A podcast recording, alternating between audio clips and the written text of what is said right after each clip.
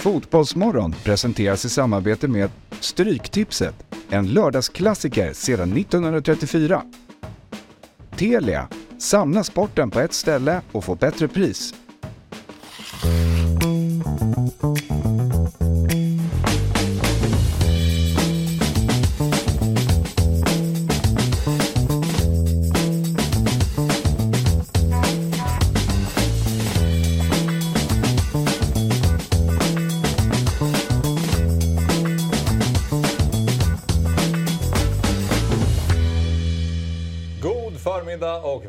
Välkomna till Fotbollsmorgon nummer 191. Och eh, Fabian Alkebo tillbaka i studion. Hur mår du? Ja, men bra. Jag har... Vad var det du sa förra veckan? Att du var i Köpenhamn och funderade över ditt liv? jag har funderat. Ja, har du kommit fram till någonting? Nej, jag misstänker jag vet. Men jag kollar på det där introt säkert 30 gånger. Det är så jävla roligt. Vi har bytt ut Fabian Alkemot som är i Köpenhamn och funderar över sitt liv. Jo, men jag tänkte att det, jag utgick från att det var det du gjorde. För det är Men så jag tänker att Det är cred att han är här. Alltså, Ja. United gick ju dåligt i veckan och då brukar han inte dyka upp. Eh, men han är här. Så Ja, det är fint. det är jävligt fint. Men en till som är här, Leachen. Hur mår vi? Ja men bra. Eh, det känns som det kommer att vara ett väldigt roligt avsnitt. Så att, Ja. eh, det ska bli kul att snacka lite. Vi har ju planerat mellan ungefär 10.10 till 11.20 att prata Elfsborg BP. Om du tycker att det funkar för dig. Vad taskigt att du ni, ni kan prata, jag kan sitta här och... Nej, Du, det här är bara för att han är, du vet, du vet vad det är? Bara för att han är programledare. Känner att han, han, kan håna oss här. Ja, men, ja, ja, alltså, jag, så, jag kör det. Jag, jag Sen- det. sen vet jag kommer också skicka ut några pikar i dagens program. så att, eh, jag, jag, jag, Han vet jag, att vi precis, ska prata- kan hantera det. Han vet att vi ska prata Barca Real, så han börjar hetsa upp det redan. ja, men det är ingen fara. Det är ingen fara. Jag tar det bara. Nej, vi ska inte prata så mycket om eh, Branpojkarna. Tuff start på Allsvenskan. Eh, men vi lämnar det där. Så, är det. Det är Mjällby på måndag. Mjällby på måndag. Ja, viktig match. Viktig match. Ödesmättat. Sabri, är du taggad? Ja. Det är nice väder här, i alla fall vi som sitter i Stockholm. Strålande sol, skönt väder. Känns som att, ska man säga våren är på gång? Nu vet vi att det ska regna här imorgon, men får ju njuta idag. Så. Ja.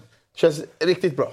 Härligt! Vi kan väl kolla på våra hålltider direkt. Vi ska eh, prata om det som har skett senaste veckan och börja med Barcelona och Real Madrids historiebråk. De har ju bråkat om massa olika grejer. Det kallas ju i grunden för Negreira-fallet då. Eh, och det ska vi gå in lite djupare på när vi ringer upp Alexander Jonsson alldeles strax. Och sen så har du ju ytterligare en dimension i det här är då vilka är regimens lag och vilka är det som har fått fördelar av Franco då eh, en gång i tiden. Och då har det varit lite olika uppfattningar om det där. Jag avbryter dig. Ändå gåshud Martin. 21 grader i Göteborg, sitter i kallingarna på ballen och kollar på er 4 plus. Ja, men, Fan vad fan vad fint han har Vad det, Martin. Alltså, jag- fem jag- plus? Ja, ja, men det undrar man faktiskt. Kanske, ja, men en liten, liten Aperol Spritz kanske. Bra, det var faktiskt ett bra, bra inflik. Ja. då- det var okej att avbryta. Jag var typ avundsjuk. Alltså, jag, jag trivs att sitta här mer, men hade gärna bytt med Martin alltså. Ja, det hade jag också gjort. 10-20, kartläggning av Brightons fynd. Det är inget nytt, men vi har gjort eller vi, Kalle har gjort ett litet gräv och kollat verkligen vad är det som Brighton har gjort så jävla bra. Eh, och det ska vi eh, kliva in i. Säga, han började ju med 10-20. Chelsea men gav upp, så det blev. Ja, precis. Vad är det som Chelsea har gjort så jävla dåligt? Det hade vi inte tid för. Så, eh, vi får gå in på Brighton istället. Veckans match är 10.40, sen är det Stryktipset, helgens höjdare och avslutar med quiz eh, i form av Kahoot. Men innan vi pratar med Alexandra, vilket vi ska göra om ungefär fyra minuter. Eh, då så tänkte jag vi skulle bara börja med eh, den största matchen som spelades igår. Då. Det var ju Arsenal mot Southampton, tänker jag på då. Stökig match. Slutar Ja, men jäkligt 3-3. underhållande. Ja, väldigt underhållande. Um, var, det fanns mycket att plocka, plocka ut ur den här eh, matchen, men det börjar ju omgående med att Ramsdale uh, försöker härma de Gea lite grann. Då, då. Fast de, Gea, de Geas passning gick i alla fall fram eh, till Maguire. Alltså, jag vet inte riktigt vad, alltså, jag förstår ju vad han vill göra med att passa igenom bollen. Han passar ju så extremt löst. Alltså, ska du trycka den här bollen för det första på en spelare som står emellan två spelare, då måste du dunka den. Mm. Men han liksom nyser in den på Alcaraz, eller vad han heter. Ja, just det. Precis. Så, såg du målgesten? Ja. Gjorde han det? Jag tror det där bara... Jag tror det där, när man gör ett mål nu, vissa, vissa av dem, och när de hoppar upp i luften så är det bara Att de, man, de landar ju sådär. Att det, han är inte den första personen. Rodrigo gjorde ju den på Stamford Bridge här i Gjorde han? Ja. Det var ju jävla fint. Alltså det var ju när, när Ronaldo, när jag var över och kollade United förra säsongen mot Everton. Det var ju när Krickan var ganska, hade kommit ganska nyligen. Då gör ju Andrews Townsend eh, 1-1. Och kör ju den mot borta. Mot borta så det, det är ändå fem plus banter. Sen, är många, sen började ju flera göra det när de mötte United och Ronaldo. Men jag tror att han var först på den. Det, var, det, var, det, var, det kunde jag ändå uppskatta. Men börjar man inte känna mer och mer nu bara att eh, nu är det över? Alltså City kommer vinna ligan Jo, utan problem. Absolut. Igår- Speciellt med det schemat också. Ja, men igår, kände, igår kände jag det här för första gången. För jag har ändå trott så här att det, det var Martin Åslund som skrev det efter 1-1, eh, efter 2-2 mot West Ham. Det här resultatet påverkar marginellt. För Arsenal har fortfarande, det räcker med kryss mot City så har de det i egna händer. Det enda som är, om City vinner så har City råd att kryssa en match. Det var det enda som kryss mot West Ham spelade in. Men nu när man har Ja, men, tappen mot Anfield gör jag inte mycket för. Det, man möter ett jävligt bra Liverpool, framförallt i andra halvlek. Den pressen Liverpool sätter där, det är inte många lag i världen som kan stå emot den. Men, synnerhet inte United då kanske. Nej, uppenbarligen inte. Det var- Det var 0-7 på den där pissa jävla, pissa jävla arenan. Men, eh, ja, men sen att man är så överlägsna, har straffmissen och sen även den här mot ja, men Premier Leagues sämsta lag. Det är fascinerande. Vi hade en, jag, fick, jag fick skit för att vi hade en rubriksättning i Big Six eh, förra veckan om, där vi hade en diskussion om Arsenal var mentalt svaga, gick att säga det.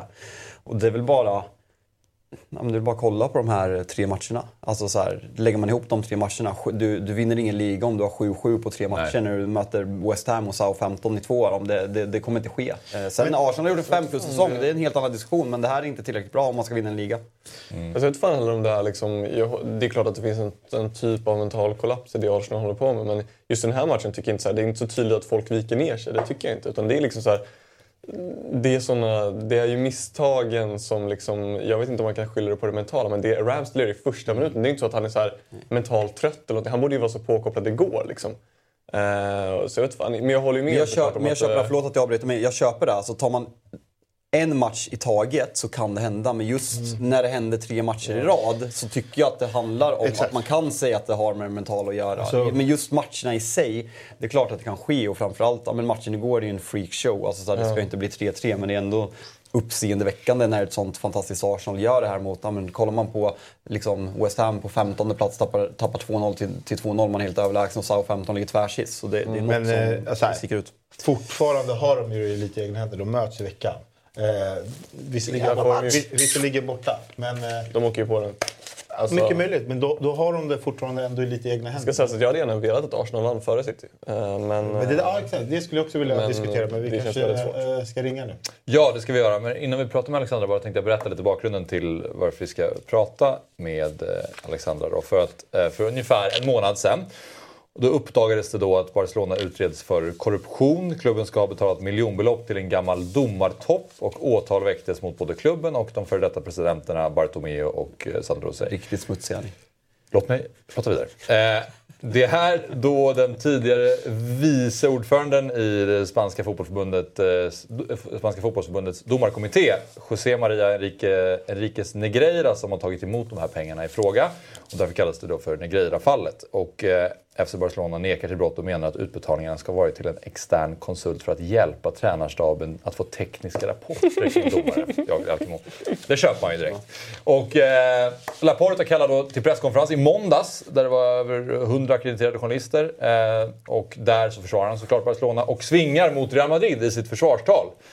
Och eh, säger då att Real Madrid är regimens lag och det är de som har fått fördelar rent historiskt. Då. Och nu måste vi prata med Alexandra här. Och till att börja med, Alexandra Jonsson, eh, Fotbollskanalens Spanien-expert. Eh, välkommen till Fotbollsmorgon. Tack så mycket. Du, hur har du reagerat på hela den här eh, soppan här? När, jag glömde att addera det då, men Real Madrids svar var ju att lägga ut en video där de lägger ut massa material på de gånger som de upplever att Barcelona har fått fördelar av Franco. Så att, eh, vad, vad, hur, hur, eh, ja, Jelko, du har missat allt det här, men det är lite kul att du får ta del av det nu då. Hur har du reagerat på allt det här, Alexandra? Eh, nej, men det är väl bara som vilken vanlig dag som helst i den spanska fotbollen. På ett eller annat sätt. Det är ju sandlådebeteende mellan de här två klubbarna, men det är väl inget som, som vi inte är vana vid vid det här laget, skulle jag ändå säga. Och, eh, för du skrev ju en text där på Fotbollskanalen lite om det här. Och eh, ja, vilka... De, det senaste är ju att de båda pratar om att nej, det är Real Madrid som är regimens lag. Nej, det är Barcelona som är regimens lag. Vilka är egentligen regimens lag? Eh, det är inte så enkelt, men det är väl mer Real Madrid än vad det är Barcelona om man säger så. Men eh, vad man ska komma ihåg och förstå är att eh, Franco var inte intresserad av fotboll till att börja med. Han var, de har försökt målas upp genom åren att han var en stor Real Madrid-supporter och att han därför gav Real Madrid fördelar. Men det stämmer inte för att han brydde sig inte om fotboll. Däremot så såg han att man kunde utnyttja fotbollens popularitet som växte väldigt stort under den här tiden till sin fördel. Eh, och Real Madrid var under den tiden väldigt, väldigt framgångsrika, specifikt i, i Europa. Och då såg han en möjlighet att utnyttja Real Madrid för att få ett bättre bild av Spanien utomlands och hans regim och, och sådär. Så att han, men det är liksom, att säga att han var Real Madrids lag kan också vara lite att gå för långt för att han brydde sig inte specifikt om klubben på det sättet utan han såg mer dem som ett verktyg eh, för sig själv och sin egen regim. Och sen kan han ha använt andra lag på liknande sätt, utan det är liksom mer, ska jag säga, Franco som utnyttjar den spanska fotbollen snarare än att det är liksom ett specifikt lag som, som fick direkt hjälp av eh, Franco. Eh, Hej, jag har en liten eh, fråga. Jag är lite så här eh, utomstående eller vad man ska säga. Jag har inte riktigt eh, koll på Barca och Real här, men jag får en så känsla av, bara när jag läser allt det här, vi ringer upp dig och istället för att prata om själva den här korruptionen med domaren så pratar vi om en som var ledare i Spanien för många, många, många år sedan. Är det inte känslan av att Laporte är väldigt smart här, äh, går ut till presskonferens, vill skifta fokus och han vet, går man på Real Madrid, kallar dem för regimens lag, då kommer det blossas upp och där, därmed kan han tjäna väldigt mycket tid och, och liksom kanske gräva i det här och komma på en ursäkt framöver eller en, en bortförklaring framöver. Är det din känsla också eller? Eh, absolut, och speciellt när Real Madrid svarar på sättet som de gör så kan man väl kanske, om man tror att det är det Laporta försökte göra, så går de ju rakt i fällan. Eh, genom, för det, det hade inte blossat upp på samma sätt för att, om inte Real Madrid hade lagt ut den där videon. För det är inte första gången som folk in, i Barcelona använder det här narrativet att Real Madrid var, var Francos lag och så vidare. Det, det har liksom funnits i hur många år som helst och Real Madrid har egentligen alltid varit tysta och inte sagt någonting runt det eller aldrig riktigt svarat. Så det är egentligen första gången de de säger någonting och då kanske de lite på något sätt tar Laportas fälla. Men sen kan man också tycka, eh, mitt skulle jag säga att det är lite korkat också av Laporta att säga som man säger för att det, om man tittar på det så blir det lite som att han använder det här argumentet, blir som att han säger men de gjorde ju så, då kan väl vi göra så också. Och då blir det liksom fel på det sättet också. Så jag tycker att både Laporta och Real Madrid här lite har, har gjort bort sig på olika sätt. Det är alltid fint att sträva efter att vara som på 40-talet. Det, det, är ofta positivt. Just det. Mm. Men, men, kommer det lite som en chock att de här två verkligen går lite så här, vad ska jag säga, går lös på varandra så officiellt och utåt när de ändå försökt enas ganska mycket på senaste tiden gällande man, Super League. Man, man, pra, man, pratar mycket, förlåt att jag avbryter, men för att spinna vidare. Man pratar mycket om att Real Madrid och Barcelona behöver varandra. Speciellt med Premier Leagues alltså ekonomiska dominans. Att de behöver varandra för att liksom höja statusen på La Liga. Så kan inte det här bli problematiskt långsiktigt när de... För det här känns ju under, under senaste, ja, men vår livstid när vi har konsumerat fotboll som att det är liksom, nu, nu är det värsta på en, på en ja, dålig det, nivå. Mm. Exakt, det blir rejäl, nu är det rejäl pajkastning. Ja. Men liksom, vad... Ja, men Både och. Alltså, Laporta och Florentino Perez har ju liksom aldrig gillat varandra om man säger så. Eh, och det är liksom inget nytt det här med att de hittar sätt att, att pajkasta varandra. Laporta när han gjorde sin presidentkampanj för att eh, återbli president i Barcelona så var det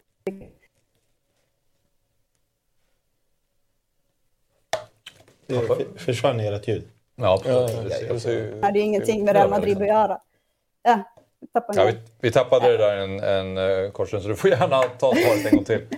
ja, när jag sa var att det, det är liksom inget nytt med speciellt Florentino Perez och, eh, och att Laporta håller på att pajkasta varandra. Och de har ju liksom inte den bästa relationen om man säger så. När Laporta gjorde sin presidentkampanj för att på nytt bli president i Barcelona så la han de största pengarna på att sätta upp enorma banderoller i Madrid utanför Bernabéu och sådana grejer. När kampanjen egentligen inte hade någonting med Real Madrid att göra. För det handlar om att bli Barcelonas president. Så mm. det, allt är inget nytt. Jag skulle säga att egentligen reaktionen på, på det här i Spanien är mer liksom att alla andra typ bara skrattar över hur de bråkar om vem som är regimens lag. Så att, jag vet inte, det för eh, som ni sa, de, de har liksom börjat växa närmare varandra, Barcelona och Real Madrid, de senaste åren i med det här superliga som båda vill ha. Och nu är det väl lite att det, den, det har satt en riktig splittring där emellan och det kanske en större eh, splittring mellan de två klubbarna på många år. Ja, men för det, det, ser ju onekligen misstänksamt ut med de här utbetalningarna till Negreira och eh, utöver den här förklaringen då att det ska ha varit hjälp för att få tekniska rapporter kring domare och så vidare. Vad, vad har Laporta mer sagt? Har du fått någon mer bild av hur Barcelona försvarar sig i det här fallet? Ja, exakt. Det Eh, nej men det är ju liksom huvud, huvudgrejen och att det är andra klubbar som eh, gör liknande grejer och det har andra klubbar sagt att de gör också. Men det som är det stora frågetecknet här är egentligen inte att de skulle ha bett om de här typen av rapporter utan det är snarare hur mycket pengar de har betalat för dem. För det är otroligt mycket mer än vad någon annan klubb någonsin har gjort. Så det är där som, som folk börjar bli liksom bara, men det här är väldigt suspekt. Eh, och där tycker jag inte att Barcelona riktigt har, har försvarat sig, utan det, då är Laportas försvar bara att det blev dyrare och dyrare för att vi ville ha mer rapporter till större delar av klubben, till olika, de olika, jag vet inte om det var eh, mer än bara fotbollen och B-laget och, och, så vidare. Eh, men det man skulle kunna, om man tittar på utifrån, det, det hela behöver inte betyda att de har eh, fått domarhjälp. Det kan också betyda men det är någonting som inte riktigt stämmer. Men det kan också betyda att det är någonting annat som att få pengar i egen ficka eller pengatvätt eller, eller någonting sånt här. Hur eh, går man vidare med det här nu? Eh, jag tänker rent juridiskt. Som du säger så försvaras inte Barcelona på ett speciellt bra sätt. Det finns inga tydliga liksom, argument för varför man har betalat ut så här stora summor till en, till en domarbas under så många år. Där man fått väldigt mycket domslut med sig också. Jag tror det har florerat siffror om att de fick noll straffar emot sig under den här tiden också. Eh, hur ja, går man vidare rent juridiskt? Samuel eh, håller på Real Madrid. Ja, det gör jag. För jag är partnersmålet. hur, hur, går man, eh, hur går man vidare rent juridiskt? Och, eh, kan, jag tänker i andra ligor, om man kollar på Calciopoli och såna här grejer, så har man ju straffats väldigt hårt. Eh, men jag antar att Barcelona inte kommer straffas nämnvärt alls för att då, som vi varit inne på, alla ligor behöver dem. Eh, sportsligt sett så har ju La Liga redan sagt att de inte kommer straffas för att de har en preskriptionstid som har gått ut. Ja, eh, från, från när det här hände. Eh, men eh, sen så finns det ju en utredning som, som pågår rent lag, liksom juridiskt. Och det kommer ju nog ta ett flertal år skulle jag säga innan någonting egentligen händer. Så att man ska nog inte förvänta sig att Barcelona blir straffad inom den närmsta tiden utan om det blir någonting så är det långt i framtiden, utan detta kommer, kommer ta lång tid eh, ja. innan vi kommer någon vart. Ja, hade du en sista fråga? Jag måste bara, är det en Sevilla-tröja uppe till vänster eller vad är det vi har bakom dig? Ja, det är det. Tack, det att, du förstörde en... min, tack att du förstörde min morgon. det är en United-supporter. Speciell Antonio Puerta-tröja. Ah, Okej, okay. då, då, då, då, kan jag, då, då, kan, då kan jag godta den, men det var, det var en jobbig torsdag för mig nämligen. Så det, var, det var jobbigt att se den där tröjan. Ja. Men så, så, är det när man spelar i Sevilla League. Ja, så är det. Så, så sant. Så sant. Väldigt sant. Bara vänja sig. Men ja, vi får fortsätta följa det här. Men stort tack Alexandra för att du var med oss och pratade lite om Real Madrid vs Barca. Tack själva. Tack för det. Hej då. Hej. Ja, ja, jag tycker det är ganska tydligt att man kan slå fast att Barcelona är oskyldiga. Det, det, det, det är där jag landar. Jag ja, men det är en sån här klassisk där liksom så här, hade det varit någon annan liga eller poängavdrag, kanske degradering. Här är så här, de, de, de, de, Barca kommer hitta någon tomte som kommer få sitta några månader eller betala några miljoner. Sen är det här liksom klart och överspelat. Mm. Men, det, men det är ju lite så för att Barca och Real, de behöver ju varandra på något sätt. Och ibland, mm. ibland enas ju fiender för att slå ut andra fiender. Men eh, ja, det här var ändå en pajkastning som som man inte hade sett komma riktigt med allt med Super League och sånt där som var innan. Så Nej. kommer ju landa i det är, det, är, det, är väl, ja, det, är, det är mycket som är speciellt med att man också så här, eh, Barcelona har ju sitt som man gör väldigt problematiskt och sen så Real Madrid som svarar med en video på det sättet och bara radar ja. upp massa bevis. Det, det, det, det, det ser man inte så ofta. Det är inte så att United skickar ut en sån. Nej men eh, det ska också sägas att uh, André är inne på det här. Florentino var ju den sista som offentligt gick ut och pratade om Barcelona. Alltså av alla klubbledare. Det var väldigt många som fördömde det han gjorde tidigare. Uh, men det jag tänkte säga är också att Javier Tebas sen han blev eh, La Liga-president har ju också gullat, det måste man ju säga, med Barcelona och deras ekonomiska situation. De har ju haft, eh, I La Liga har man ju lönetak på omsättningen. Så jag vet inte exakt vad det är, men nu 80-85% av din omsättning får du ha löner på eller något sånt. Eh, och Barcelona har ju under flera år då misskött sin ekonomi vilket gjort att de ska ha väldigt mycket mindre löner. Det fanns ju en lista för två säsonger sedan där de skulle ha åttonde mest löner i La Liga. Men det vet vi alla att de inte hade då. Mm. Så att de har ju fått väldigt mycket liksom, kryphål och undantag när det kommer just till de ekonomiska och finansiella reglerna i La Liga. Ehm, och nu så snackar de om att de inte kan värva spelare ju, på grund av Financial Fair Play. Så nu är det Uefas eh, ekonomiska situationer och tak. Så att vi får ju se hur det, hur det blir. Och det är klart att jag är färdig frågan men det, här, det har ju ändå, Tebas har ju ändå varit väldigt liksom flyktig med mm. Barcelonas situation. Ja. Ja, men det var kul att höra den här, för just, just den här grejen, nu fick vi verkligen inte höra allting, men den här grejen med, med Franco och Real Madrid, det är någonting som jag kanske har slängt mig med eh, på ett okun, så här, något man bara har lärt sig. Att ja, men Real Madrids många Champions League-titlar och ligatitlar på 40-50-talet under ja, typ Di Stefano framförallt, den tiden att det var på grund av att Franco stöttade dem på ett, på ett sätt. Det är något som man bara har lärt sig att det är så. Men jag har aldrig liksom läst på, så det är kul att få lite bakgrundshistorien.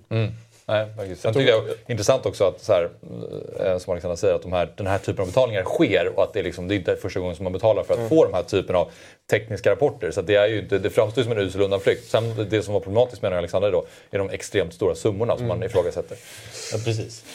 Ja, men vi ska gå vidare. Ehm, nu ska vi eh, plocka fram Kalles fina Brighton-gräv här. För att eh, Brighton har ju varit... Ska vi gå in och kolla på programmet?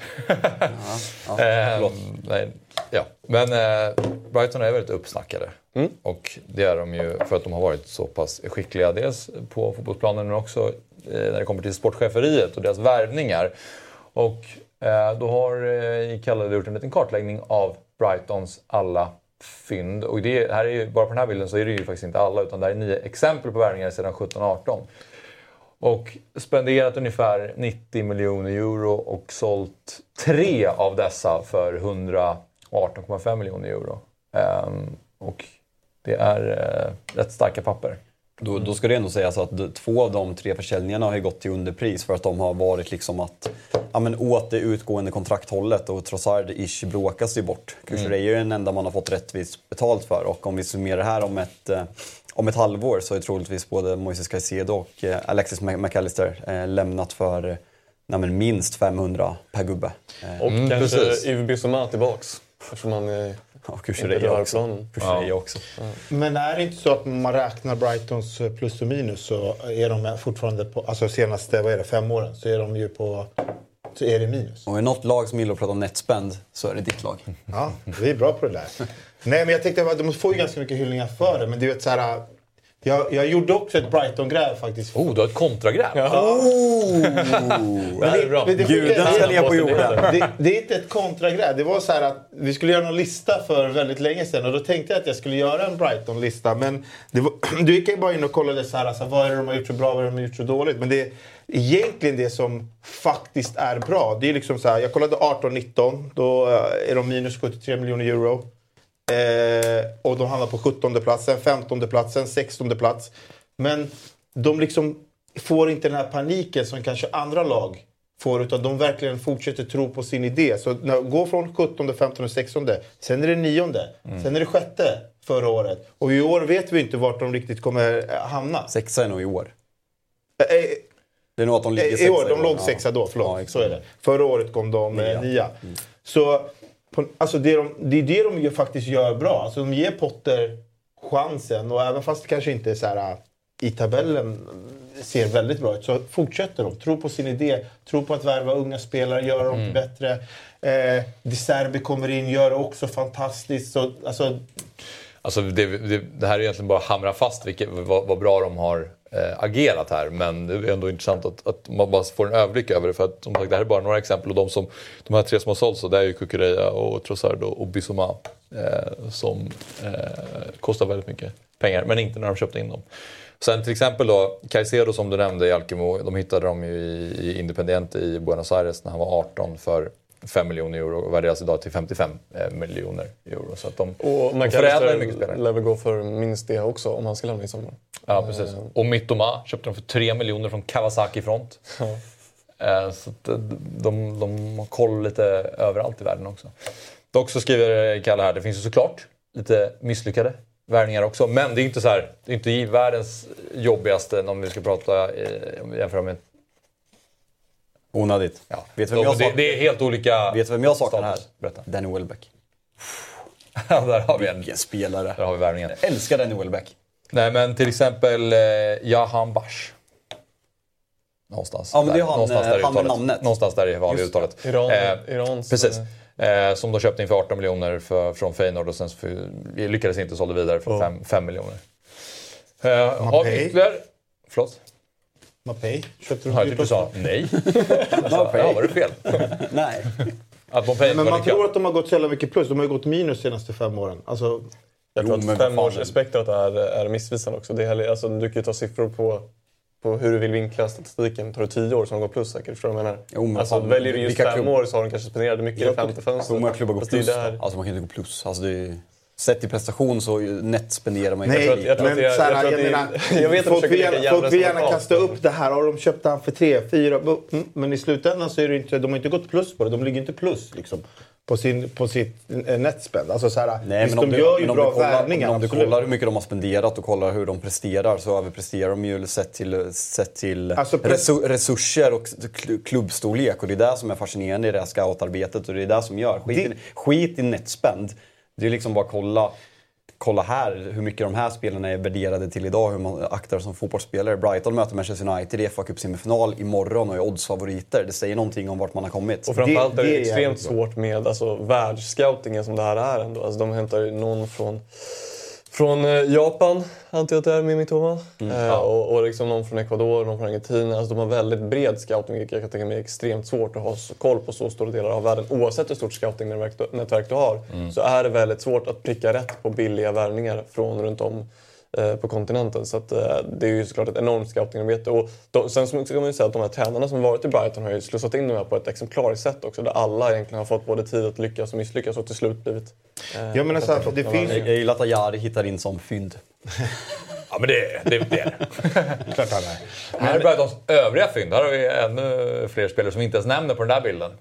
Ja, Dan Burn, just det. Mm. Det är en dyr värvning. Men alltså så här, det finns ju lag som har gjort typ tvärtom. Alltså man kommer ihåg eh, Southampton som hittade liksom gubbar som... Ja, men de hade Luke Shaw till United, eh, van Dijk till Liverpool, Mané, Lalana och vad hette han då? Holländaren ni köpte. Oj, mitt... Schneiderlin. Ja, Morgan Schneiderlin. just det. Så jävla usel. Fy fan vad dålig spelare. Jo, men- Nej, den var man taggad på. Sluta upp i bänken i Everton. Ja, men alltså där ser du ändå, där ser du ändå Southampton, åren där eh, 15, 16, 17, 18. Köpa in väldigt billigt, sälja väldigt dyrt, men som verkligen inte har förvaltat pengarna eller lyckats hitta de där fynden igen. De ligger toksist och kommer åka ur. Ja. Alltså så här, fast man, om man jämför då med Brighton och hur de har presterat, som Jalkin var inne på. Det är ju en jävla eloge. Att liksom Oskar skrev det, det är klart att uh, Schneiderlin är fransman. det, var- det, vart en öl, det vart någon öl igår. Vad sa du? Holländare? Du sa holländare och jag sa Schneiderlin och du bara Åh! Nej, så dum i huvudet. Men fan menar du? Det är två Holländare? förvirrade det personer som ska holländare. prata med varandra. Deli Blint? Ja, Nej, jag tycker Southampton är ett bra exempel. Men, eh, vem jag det vem- vem-. Nej, jag menade Schneider. Du menar Schneider? Jag tänkte Så att han var då holländare var inte jag dum! Jag, alltså jag fattar ju att han menar... Nej, det gjorde jag inte. Jag, jag tänkte att Jo, jag fattar ju som du sa Southampton, så jag reagerade inte att det var holländare. Så, Fan, vår- vi hade typ rätt. Jaha. Men vi vet ju alla varför eh, Kalle vill ta fram den här eh, grafiken. För att scoutchefen är i Chelsea nu eller? För att hans klubb gör ju det motsatta i Chelsea. Så han, han, han, är, ju- han vill ju så mycket ha den här typen av verksamhet i sin, i sin förening. Men det går inte riktigt just nu. Men eh, Robert Sanchez, 23 år. Det tycker jag är sjukt. Jag trodde att han skulle vara... Är han, 35. 20, är han 23 eller var han 23 när han köptes? Ja, oavsett, då är han... Han var 23. Ja, oavsett. för jag reagerar på det på de, de tidigare så kändes Ja, det. För att jag kände att all, så här unga är de inte. Ja, men eh, oavsett, jag skulle ändå vilja lägga på 10 år på honom. Det känns som en rutinerad målvakt 32. redan. Ja, men, Hur gammal är Raja typ? Förmodligen också då, 24. Ja. Borde vara 32 också. Mm, exakt. Alla spanska målvakter 32. borde vara 32. Ja, så ser det ut i alla fall. Brighton eh, har eh, gjort det bra. Verkligen. se hur, var de slutar i tabellen också. Verkligen. Och de möter Manchester United i helgen i FA-cupen. Och jag tror att bara ett litet sista instick att eh, ska de lyfta på riktigt, för De Serbi kommer inte vara kvar där för alltid, då är det ju den tränaren som sitter efter De Serbi. Där får vi verkligen se hur bra scoutingarbetet är. För då har de haft, eh, har de så tre lyckade träningar, tränare i rad, då, då är det ju något från klubbhåll som är extremt rätt. Men på tal om Chelsea innan vi går vidare Axel, Ja. förlåt. Har ni sett senaste vem som är favorit till att ta över jobbet just nu? Ja, eh, jag läser Pochettino. Ja. Ja men alltså det är så fel val. Ja. Nej men det är så. På tal om fel är- Ja, Får vi en pudel? men han är en sån bluff. Han är en sån bluff. Det alltså. Får vi en pudel om Lampard? Hål i huvudet. Vi kommer komma dit. Hål i huvudet! Ja. Alltså, ja, men bara den grejen. Nu är det olika sidor från Chelsea och från Nagelsmann. Men att Nagelsmann så tydligt enligt hans läger tackar nej för att han vill inte röra Chelsea. Det är inte bra marknadsföring alltså. Ja, det hade fan inte jag heller gjort med tanke Nej. på Då är ju Pochettino inte så dumt då kanske.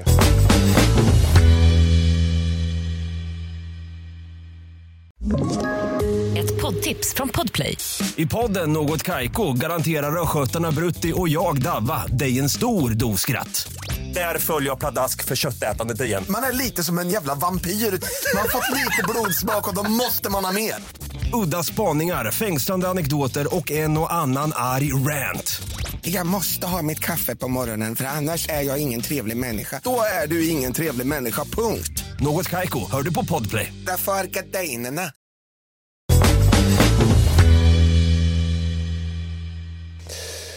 Men eh, nu ska vi gå vidare till våran eh, Samsung-tävling. Vi eh, har ju en fototävling som vi gör tillsammans med Samsung där man har chans att vinna en Samsung Galaxy S23 Ultra. Och eh, ja, helgen som vi är i nu, det är sista chansen att skicka in sitt bidrag till vår fototävling. Sista dagen är nämligen på måndag, den 24 april. Och eh, reglerna har de flesta förmodligen koll på men vi drar dem lite snabbt här då. Man mejlar in sitt bidrag till fotbollsmorgon.se och eh, då ska det vara en fotbollsrelaterad bild på något sätt. Om eh, man vill vara med och tävla då ska man ange namn, ort och vara den som har tagit bilden och då ger man eh, Fotbollsmorgon visningsrätten för bilden. Eh, max fem bilder per tävlande. Bilderna måste vara från år 2023 och eh, en jury hos oss här väljer ut bilderna som vi ska kolla på nu. Tre stycken bilder som vi ska kolla på nu i programmet. Och eh, den som vinner idag, dagstävlingen, vinner ett årskort på Dobb-TV och alla dagsvinnare går ju till en stor final där man tävlar om att vinna en Samsung Galaxy S23 Ultra. Man måste vara 18 år för att tävla och man måste också vara bosatt i Sverige. Första bidraget det kommer från Andreas Berg och då skriver Andreas så här. Det negativa med att stå under tifot mellan Blåvitt och Malmö är att man missar matchen. Det positiva med att stå under tifot mellan Blåvitt Malmö är att man missar matchen. Ja, kul. kul.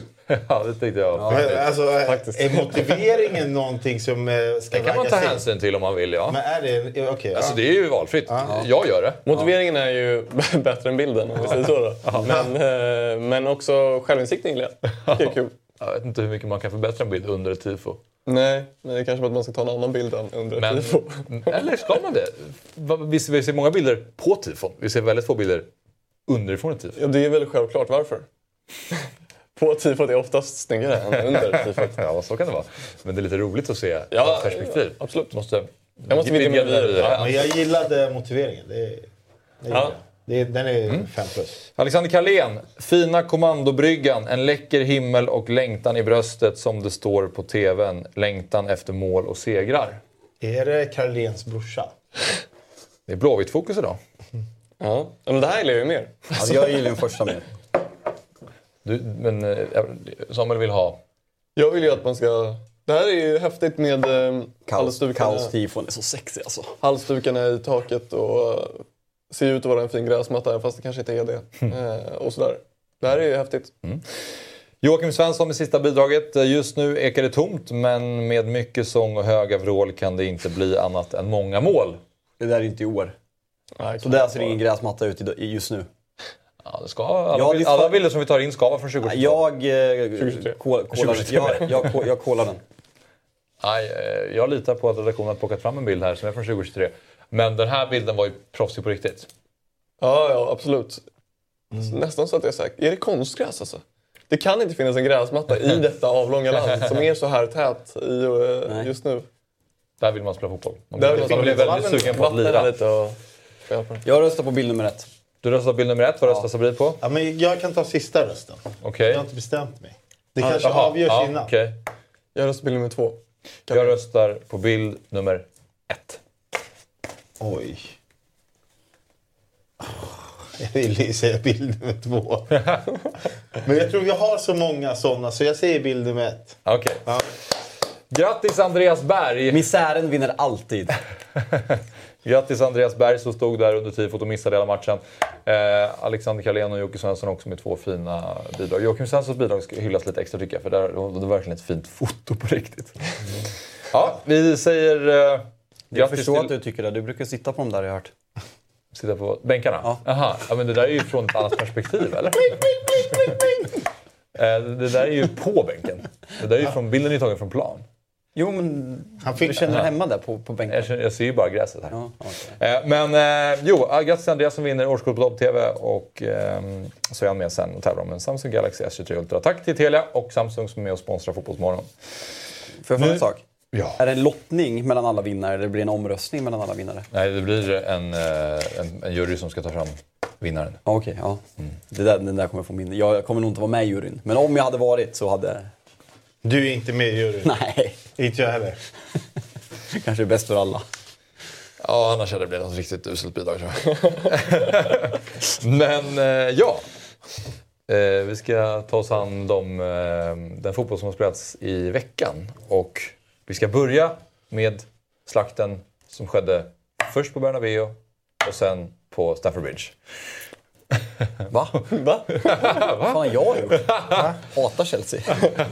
Jo, du hatar Chelsea, men du hyllade ju Lampard.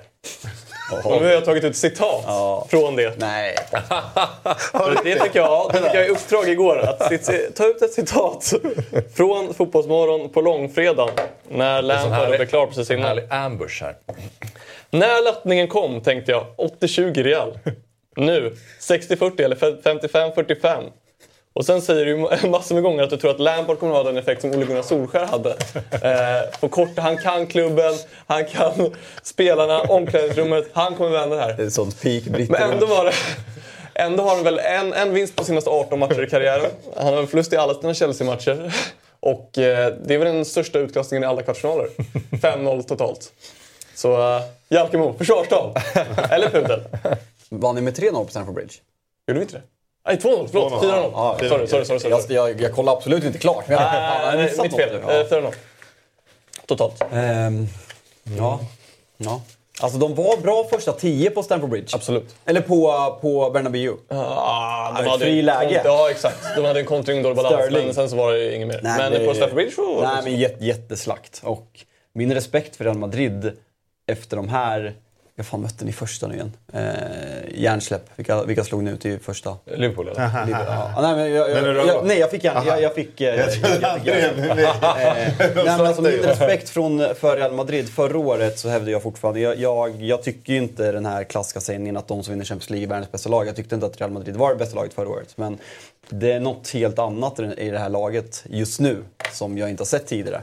Eh, den dominansen och den överlägsenheten. Är det jag, annat? jag blir, jag Är det blir inte rä- samma? Nej. Förra året var man indirekt utspelad i åttondelsfinal, kvartsfinal, semifinal och final. Det är mental Det- styrka, det det mental det jag styrka, det är en mental styrka att vinna. Det. Det är mental styrka att vinna. Ja. Höjde du Men- precis pokalen med skit? Det, det, det hade det som bakgrundsbild när Sabri lämnade sändningen i CL-finalen.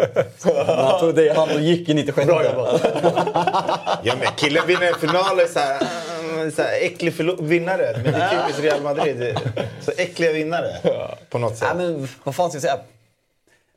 Han är... Så trött på Chelsea! Allt som har med Chelsea att göra. Ja, det här är också... Alltså det här är... Ja. Det är nog en 3-0 där. Han hade... Vilka var det mot?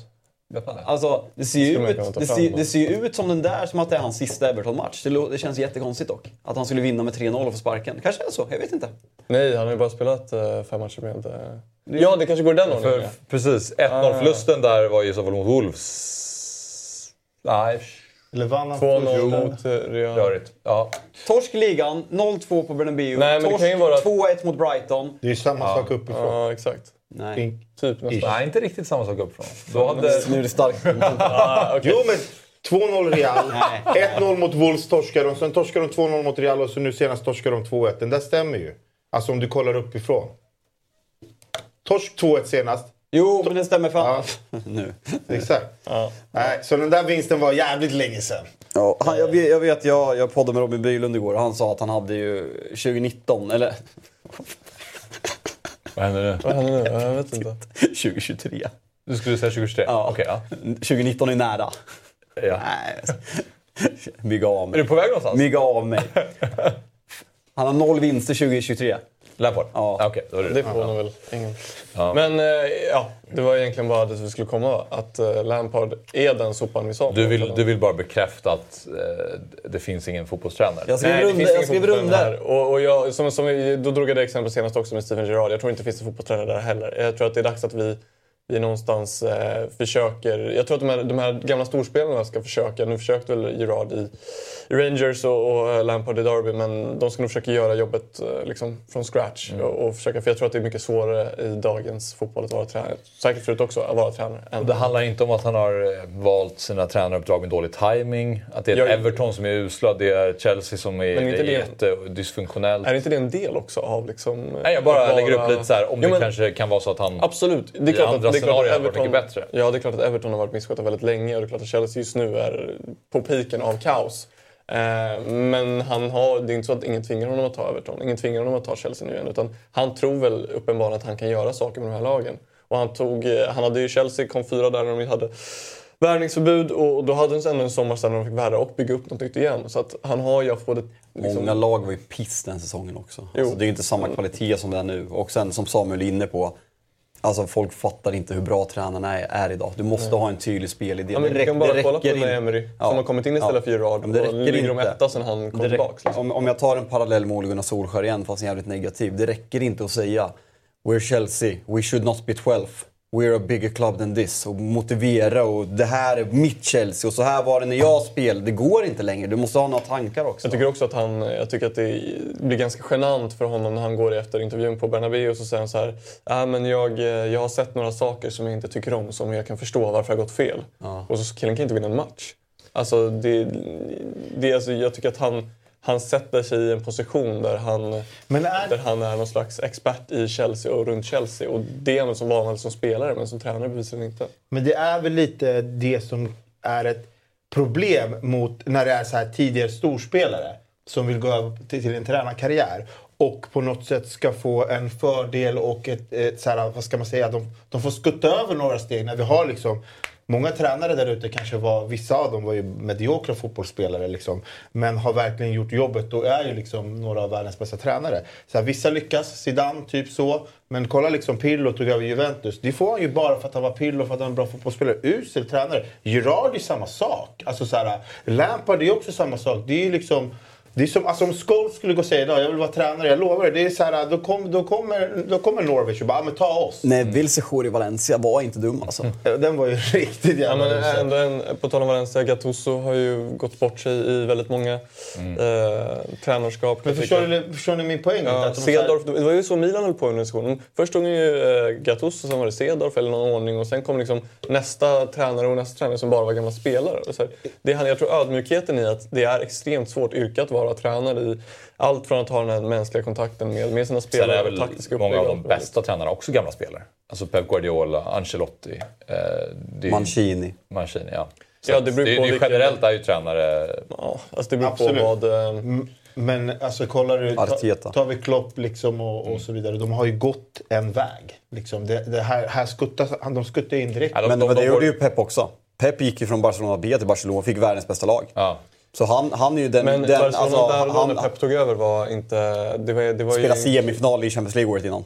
det, men det var en liten mini, minikris. Han fick ju verkligen fria tyglar att göra det. Det var en liten minikris när Pep tog över. Ja, fria tyglar att absolut, göra om, men det är fortfarande han ett banant. Han, kom ju in, han fick ju tjänsten för att han var Pep. Och han är ju liksom undantaget som, be, be, som liksom motsäger regeln att, eh, att det går ju att lyckas som gammal spelare och få ett bananskapsjobb. när, när du kollar på vad han gjorde med, med B-laget, om man har liksom kollat läst på, så var han inte någon sett pionjär. Nej, men jag såg inte heller någon match med B-laget, men, men de som förklarar hur B-laget spelade var så här, det var, de spelade på ett helt extremt Barca DNA-mässigt spelsätt. Och eh, därför så var det väl, det var, var det efter Rijkaard, eller vem tog han över efter?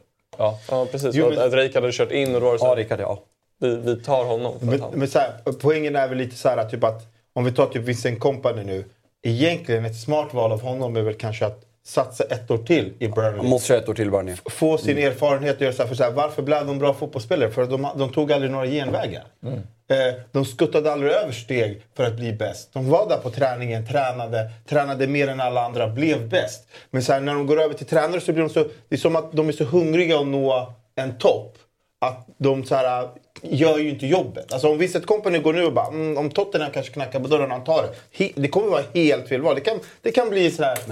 Tack och hej för din eh, tränarkarriär. Så hamnar han i Besiktas om tre år. Men sen tror jag, det är en hobbyanalys såklart, men om man kollar på Alltså Manchester United är ett perfekt exempel. Alltså, Manchester United har haft arguably världens bästa tränare genom tiderna. Alltså den bästa inom ledarskap som någonsin har funnits inom, inom fotbollen. Kolla alla adepter. Carrick ser jävligt spännande ut i Middlesbrough ska sägas, men om vi bortser från honom. Vad har vi? Solskär, ja, misslyckad. Giggs, misslyckad.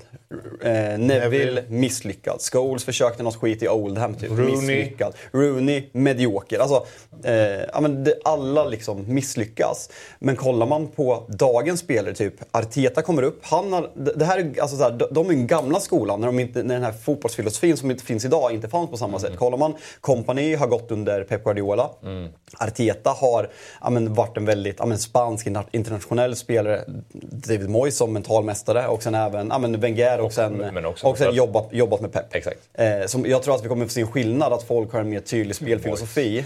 Ja. Geni, football genius. Nej, men att folk som kommer ut som tränare idag har en mer tydlig spelfilosofi. Medan förra, typ eh, Lampard och Gerard och, eh, och Neville och Ole, eh, vad fan heter det, generationen, mer är att de ska säga rätt saker på presskonferenserna men de har ingen spelidé och det går inte i dagens fotboll. Jag skulle säga att det är många i chatten som kommer väldigt bra exempel på Xabi Alonso som gör väldigt bra i Leverkusen. Jag kollar ju inte Leverkusen varje vecka men han, eh, han ska ju vara inne på något väldigt bra. Jag tror att de har gått väldigt starkt här eh, sen han tog över när det krisade lite i, januari. Och just med, eh, med Company så, så finns det en bra ingång med tanke på att vi har en svensk där som talar väldigt mycket gott om hur han jobbar och hur liksom duktig Company är. Så Company också kanske blir då en, en stor tränare som är en gammal spelare. Men jag tror att man får inte underskatta att helst av allt ska du ha båda delarna. Att antingen vara en, en bra ledare och ha en väldigt tydlig spelidé. Men, men du måste i alla fall vara pionjär i något av det för att lyckas tror jag. Vem av de största stjärnorna de senaste tio åren tror ni kommer vara bäst som fotbollstränare? Alltså då tänker vi Vilka? så här. Messi? Ronaldo, Messi, Zlatan, Lewandowski, Ingen. Benzema. Ingen. Man ser inte framför sig riktigt att någon... Nej. Så här, men det är ju också anfallsspelare. Det är precis, man kanske måste gå ner på Modric eh, och Kroos. Eh, man Kroos tänker ju bara att det måste vara mittfältare. Alltså Krickan och fotboll kommer ju... Eller Krickan och... Jag skulle säga Messi, jag säger Vi fotboll. behöver ta en timeout. Ja, här kan vi ta en paus snart? Nej, men Krickan och Messi, de kommer ju aldrig bli tränare. Zlatan? Nej. Benson, han är ju han är, har han är för dum, i- ett han är för bra dum i huvudet för att vara tränare. Lewandowski har jag inget grepp på hur han är som person. Har vi mer? Nej. Men det är, det är, de, de flesta bra tränarna är ju mittfältare. Så är Och dagens världsstjärnor med Mbappé och Haaland. Och, de kommer inte heller... Haaland som tränare. Men det får väl se om någon av de här eh, fotbollshjärnorna, Busquets eller någon, kanske kommer ut och blir... blir jag vet inte hur han är med människor liksom. Men, Och så vidrigt det skulle vara har ju- Han vill man bara bli, slippa se. För resten av livet. ja, men han är ju fotbollshjärna i alla fall. Ja, det kan man lugnt säga. Men eh, ja, vi går vidare bland de matcher som har spelats och Bayern München, eh, det var ju ingen eh, rolig match för dem trots att du gav dem 30, 35 procent Men vad fan var det som skedde där? Jag lyssnade på podden. 25 gav. 25. Ja. Du, alltså, Jag gillade det dock. Jag stod bakom det. Nej men hade de fått 1-0 här? en av fyra gånger. Om du spelar, om du spelar den här matchen fyra gånger, då vänder alltså Ba- Bayern München en gång. Ja, han någonstans landade 3-0 mot världens bästa lag. Ah, men vad fan. Jag tycker det är rimligt. Har man uppa Maguire så blir det lite svårt självklart. Men eh, nej, men, Onödigt. Onödigt. Opa Maguire. nej, nej, men det var väl lite att ta i kanske sådär. Men jag tänkte väl, alltså, såhär, jag, jag, såhär, de saknade ju inte chanser på ett ja. Det var ju lite så jag landade i. Och kanske om de fick in 1-0 här, att de skulle kunna darra lite City. Men det vart ju ingen... Ja.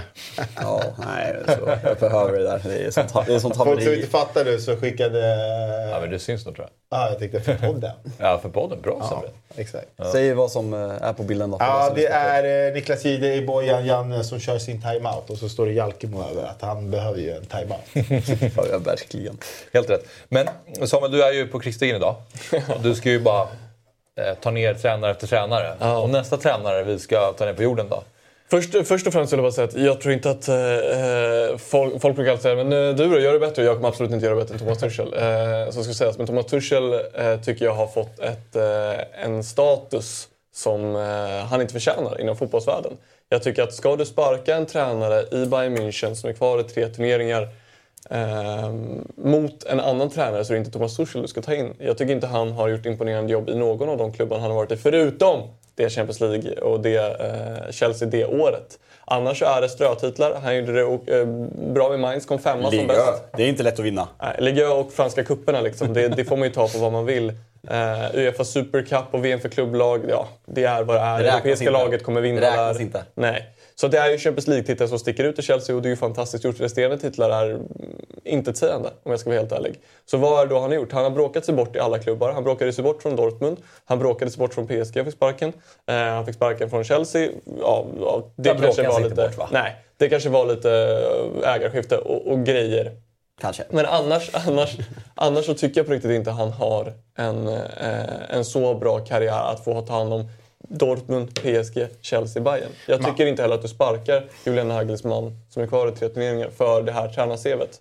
Det, det tycker jag inte. Men han, han, Men- han har inte bara fått skit ifrån dig. Det var ju, alltså jag läste ju någonstans, det är ju någon gammal eh, Dieter Hamann. Eller manager från PSG som inte alls... Han kallade honom för den värsta tränaren sen liksom, eh, han tog över i PSG. Eh, han har fått mycket skit i Dortmund att eh, han gör mycket taktiska misstag i stora matcher och sådär. Så han, får ju, han har ju fått en del skit på vägen men ändå... Men någonstans... Dortmund var framförallt omöjlig som människa vet jag. Att, eh, de hade ju stora problem med Sork tror jag som är VD där. Att, eh, att ta hand om hans eh, människa. Han bråkade ju med, med spelare, med ledare inom klubben. Eh, och han, han tog ändå över efter Jürgen Klopp som, som hade gjort ett superjobb där. Så att, eh, jag tror att de var... Men så här, vissa tränare har en personlighet som kan vara lätt att älska. Alltså många älskar, alltså jag vet ju att du gillar ju Tuchel. Jag älskar honom. Ja, förstår du? Ja. Och det, du förstår vad jag menar. Det, och det, Jalkemo är inte ensam om att älska Tuchel och hans aura och hur han Jag vet är. varför man och då, och då, då får man såna här jobb. Tyska psykfall, det har ju något. Ja, jo. Men om, om vi kollar då på Bayern München. Han har vunnit två av sina sex matcher han har varit i Bayern München och åkt ur två kupper på de här sex matcherna. Varav en är mot Freiburg. Sen så eh, åker han ju stort här mot City. City kommer- är ju hur bra som helst. De slår väl, vinner säkert CL också. Men det han visar i Bayern München är ju det här spelet de spelar över de här två matcherna mot City. Det tycker inte jag är tillräckligt bra heller. Nej, alltså, jag tycker han att har läser ju en- matchen fel. Han pratar ju om det här i, i första att han väntade att de skulle få kontra med det och ställa upp med fyra snabba spelare där och exempelvis sätta Müller på bänken. Mm. Eh, där går han ju bort sig. Sen är, alltså, första matchen, det blir ju ett freakresultat. Det speglar inte matchbilden. Jag tycker inte heller det speglar matchbilden. Många chanser. Och sen, jag tycker väl att det är orättvist att säga att han inte har vunnit tillräckligt mycket. Alltså Dortmund, ja, du möter Bayern München. Alltså så här, man vinner inte titlar. I PSG vann han det som förväntades av honom.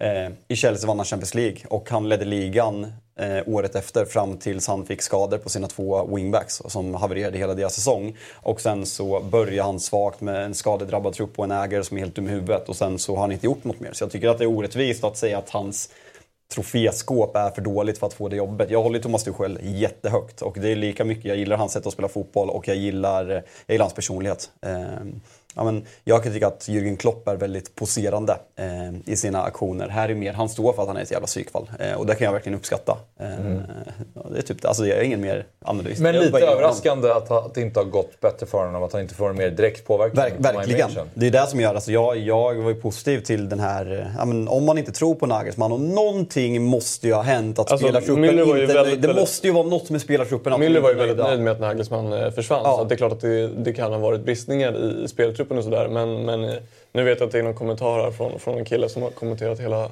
dagen. Eh, bara negativt. Blocka, Men- block, blocka, ge Men, Eminem eh, en eh, timmes block. Det räcker faktiskt. Men, eh, men eh, det Nagelsmann gjorde i alla fall, han, han, jag vet att de hade problem med ligan, men eh, han spöade ju Freiburg dubbla gånger med 5-1, 4-1 eller 5-0, 4-1 eller vad det var innan de nu åkte ut med Tuchel med 1-0 i kuppen.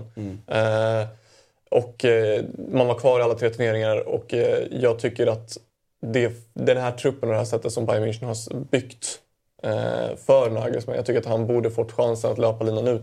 Och jag tycker inte man borde vara så rädd att förlora Thomas Tuchel. Det är väl framförallt det, kritik, där kritiken ligger. Att Thomas Tuchel är inte någon du sparkar, en sittande tränare, eh, som är kvar i tre turneringar. På. Det tycker jag inte. Nej, men alltså någonstans, du, du säger väl själv, Nagelsmann kanske i, i, ur vårt perspektiv inte gjorde ett dåligt jobb med Bayern München. Visserligen så har ju Dortmund ledat den här ligan med Nagelsmann. Så det är de aldrig nöjda med Bayern München. Dortmund ska aldrig leda ligan. Men det är ju, någonstans funkade det inte, det är någonstans som inte stämmer. Och, och är det någonting man vet med Bayern, då liksom, de gör det på sitt sätt. Då sparkar de en tränare. Och så det är ju Tuchel de vill ha. I så fall. För att de vet att okej, okay, Ancelotti kanske flyttar på sig. Real Madrid är där och petar. Vill vi ha han, då är chansen nu. Och så kanske, vill vi ha Nagelsmann? Nej, vi gör den här skiften på en gång. Och med, visst fan förstod de att det är ett svårt läge att komma in i. Där de, de mötte ju Dortmund först i seriefinal. Där vann han. Det var ju kross, var ju 3-0 efter en kvart. Ja. Men, ja. Och sen Augsburg och sen åker man ut mot City. Men här, Det- är det så dåligt att åka ut mot City då? Det ser ju illa ut när man gjorde den rockaden man gjorde. Liksom Nagelsmann hade innan, de har alltså mött Barcelona, Inter och eh, PSG. Jag tror att man håller nollan i de sex matcherna. Eh, och sen så skickas han och sen så släpper de in, Och- och- släpper de in fyra mot Manchester City. Så det blir ju med fas i hand så sitter de ju så dum ut som hyllade det här. Ja, men Elias är inne på något här också. Han har inte sagt att han dejtade en bildreporter. Eh, och det var ju det som vissa tyckte var o... Eh, säger man? Eh, de tyckte inte det var riktigt lämpligt att dejta en, en eh, reporter för bild. Men, eh, men det ska väl också sägas att eh, Oliver Kahn nu som är han, VD, sportdirektör eller vad man ska säga. Man Han får ju sparken nu eh, i dagarna av Bayern München. Just stora anledningar till det här beslutet. Att de tycker att han har tagit ett sånt fel beslut.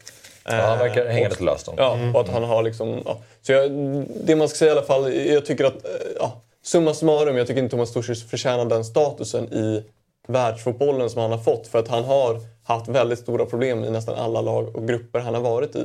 Och sen har tagit några titlar i Frankrike. Det som sticker ut är Champions League-titeln som är otroligt bra, eh, såklart. Men eh, resterande är... Han, jag tycker han har fått jobb han inte förtjänar. Men efter sa- Dortmund. Varför Men varför samtidigt älskar jag säger du- Det är så smutsigt. Men- Samtidigt säger man så här, det dummaste Chelsea eh, gjorde var att sparka Tuchel. Alltså, Det håller jag inte heller med om. Jo, det gör du. Nej, det gör Det gör du. Med facit i Men hand, han då har var det jävla idiotiskt. glöd bara. Han har ju jävla engagemang i det han gör. Ja, men Chelsea var dumma som sparkade. Där kan vi åtminstone landa. Ja, jo, med fast i hand så känns det som att han skulle kunna jobba vidare. Ja, för med här det. jobbar, här jobbar Det ju hade, det hade med såklart i inte varit hand. sämre. Alltså det går inte att vara sämre, typ än vad Chelsea är just nu. Så det hade klart inte varit sämre. Eh, sen så, sen så ja, jag tror att man hade kunnat köra, om du ser hur, hur länge han är i Dortmund, PSG, Chelsea och han, kom, han skrev ju bara ett tvåårskontrakt eh, med Bayern München också. Jag tror är det här som blir bra tränare. till slut. Men hörni, eh, Milano-derby i semifinal i Champions League. Mm. Hur mycket kittlar det just nu? Alla, Alltså, jag har ju alla, sett- alla, ska alla, alla, ska alla calcio-älskare Ska, ska jag vara populistisk eller ska jag vara ärlig? Jag vill att du ska vara ärlig. Nej men det är två skitdåliga lag. Eh, alltså det är jättekul att det är, ett, det är, jättekul att det är ett Milano-derby. Alltså, alltså stämningsmässigt och tifomässigt. Och det är kul för Serie A att de liksom får det här uppsvinget för en, en liga som har varit på, på dekis prestationsmässigt de senaste åren. Men kvalitativt är det ju ganska ovärdigt. Alltså de båda lagen gör ju en usel säsong. Är de så dåliga? Alltså så här, I Champions League, vi har hyllat Benfica väldigt mycket. Eh, Vad har de haft för väg då? Inter har slagit ut Benfica och Porto. Ja, men inte slog ut Jo, Barca men, i eh. Milan eh, slog väl ut Napoli i Tottenham då. Ja. mm, Tottenham är ju... Tottenham är usla. piss, liksom. Na- Men, Napoli eh, alltså, med- jag håller med Alkemo, det är två skitlag. Ja, Napoli med ganska dåliga förutsättningar med Osimhen borta första matchen, avstängning på Angisa och Kim i, i, i, i returen och ganska mycket, ja men ett väldigt tveksamt domslut. Men det är klart, när man ser så här så det är klart att det kittlar till att se, se liksom inramningen. Men själva matchen ser jag inte fram eh, specifikt mycket mot. Nej, inte alls. Själva fotbollen. Nej. Men precis, men själva inramningen så känner du att så här, fan vad roligt det ska bli att se matchen trots allt på grund av att det är ett Milano-derby. Alltså om, om vi säger så här, sett till hur slutspelsträdet artade sig så är det här drömsemifinalerna i min värld. Alltså jag, det här är där jag hade fått välja, men jag hade ju hellre sett ja, men Real Madrid, Bayern München och eh, Napoli, Manchester City. Eh, hade jag hellre sett, alltså rent kvalitativt för att få liksom två. Och det är samma sak, jag tänker ju ett steg längre, jag tänker på finalen. Jag tror att både Real Madrid och Manchester City kommer köra över motståndaren så det sjunger om det. För att det är sån kvalitetsskillnad. Det är bara att kolla på Serie A, vad ligger de? Liksom sexa. De ligger väl för, nu när Juve fick tillbaka sina 15 poäng, Mm. båda lagen är väl utanför CL-plats. Eh, ish. Nu killgissar jag. Nej, jo, båda lagen är ut, utanför. CL-plats. Men jag faktiskt, eh, jag har faktiskt sökt eh, biljett hit till första derbyt av den Oj. tionde. Ja, har en god vän som är av min bror i Milanista. Och så är man medlem så får man eh, förtur på att söka biljetter. Så Okej. jag kanske är på plats faktiskt och då tycker jag att det är jävligt mäktigt. Och, alltså rent, rent sett ur alltså inramningen och derbyt och det är... Det här kommer väl inte hända på ja, väldigt länge. Liksom att de här två ska mötas i en CL, CL Med tanke på att båda kan vara utanför Champions League nästa år. Så. på det sättet eh, är det mäktigt. Men man, man, man märker ju också det här som vi alltid har varit, som vi alltid touchar när det kommer liksom så här. Jag Jalkemo som gillar Premier League, du som gillar eh, La Liga och så vidare. Jag håller ju inte på City. Alltså, så här, jag, alltså, om City går och vinner Champions League, då spyr jag lite i munnen. Alltså, så här, jag vill absolut inte. Men man märker verkligen hur hela Serie A sluter ju upp här.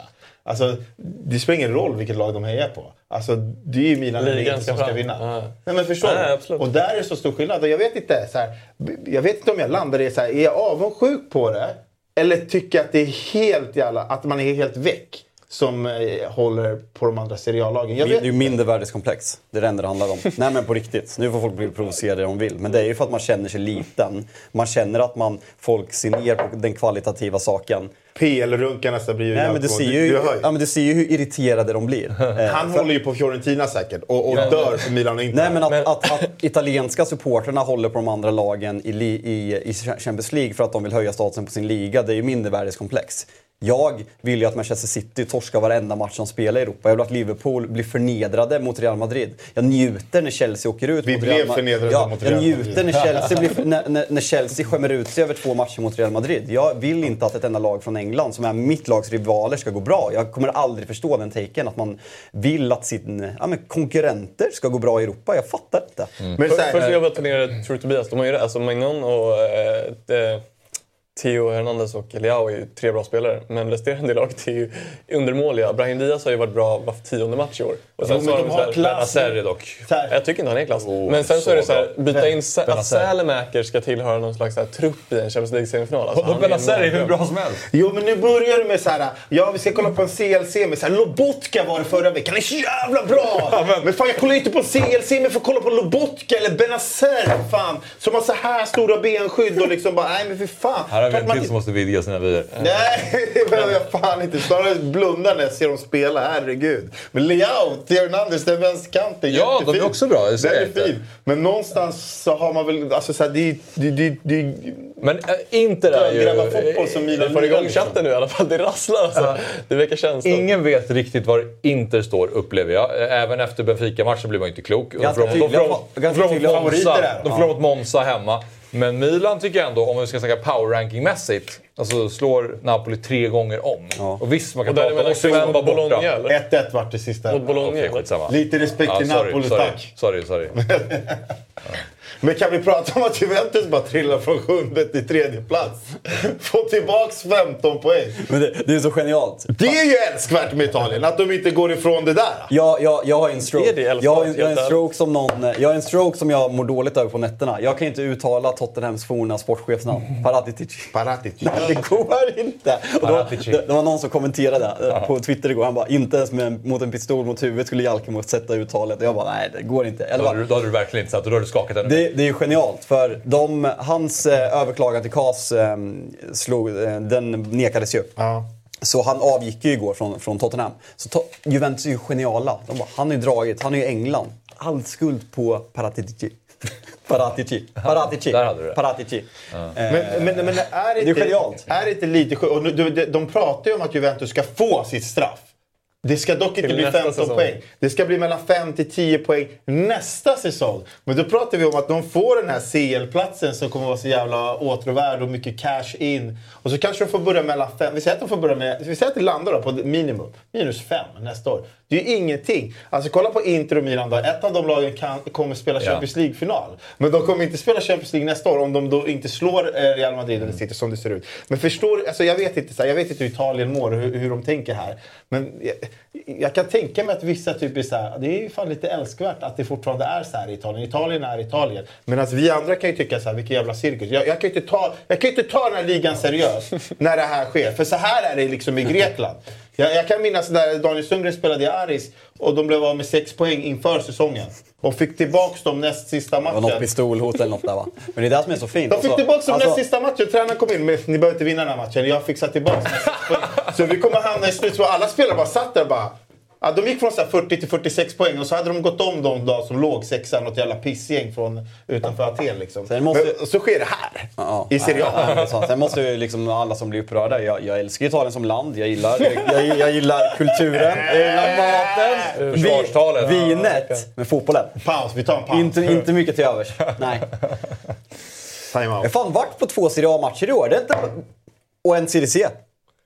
Ja, jävlar. Ja. Men det Fan, där, såg du Juventus eller? Eh, nej, Axel, du missar ju Bestavia. Du missar något. Nej, det gjorde jag inte. Du låg och slaggade på hotellet. Eh, nej, jag, jag, jag, satt och, jag satt och drack öl faktiskt. Ja, det det var väldigt bra beslut. Väldigt bra beslut. Då var det jag gick hem klockan sju. Det är inte riktigt sant. Det var dagen innan. Ja, det var dagen innan. nej, två dagar innan. Två dagar innan. Ja.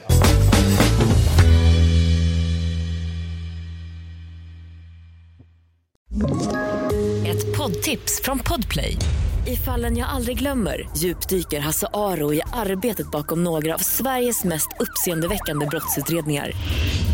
Går vi in med hemlig telefonavlyssning och, och då upplever vi att vi får en total förändring av hans beteende. Vad är det som händer nu? Vem är det som läcker? Och så säger han att jag är kriminell, jag har varit kriminell i hela mitt liv men att mörda ett barn, där går min gräns. Nya säsongen av Fallen jag aldrig glömmer på Podplay.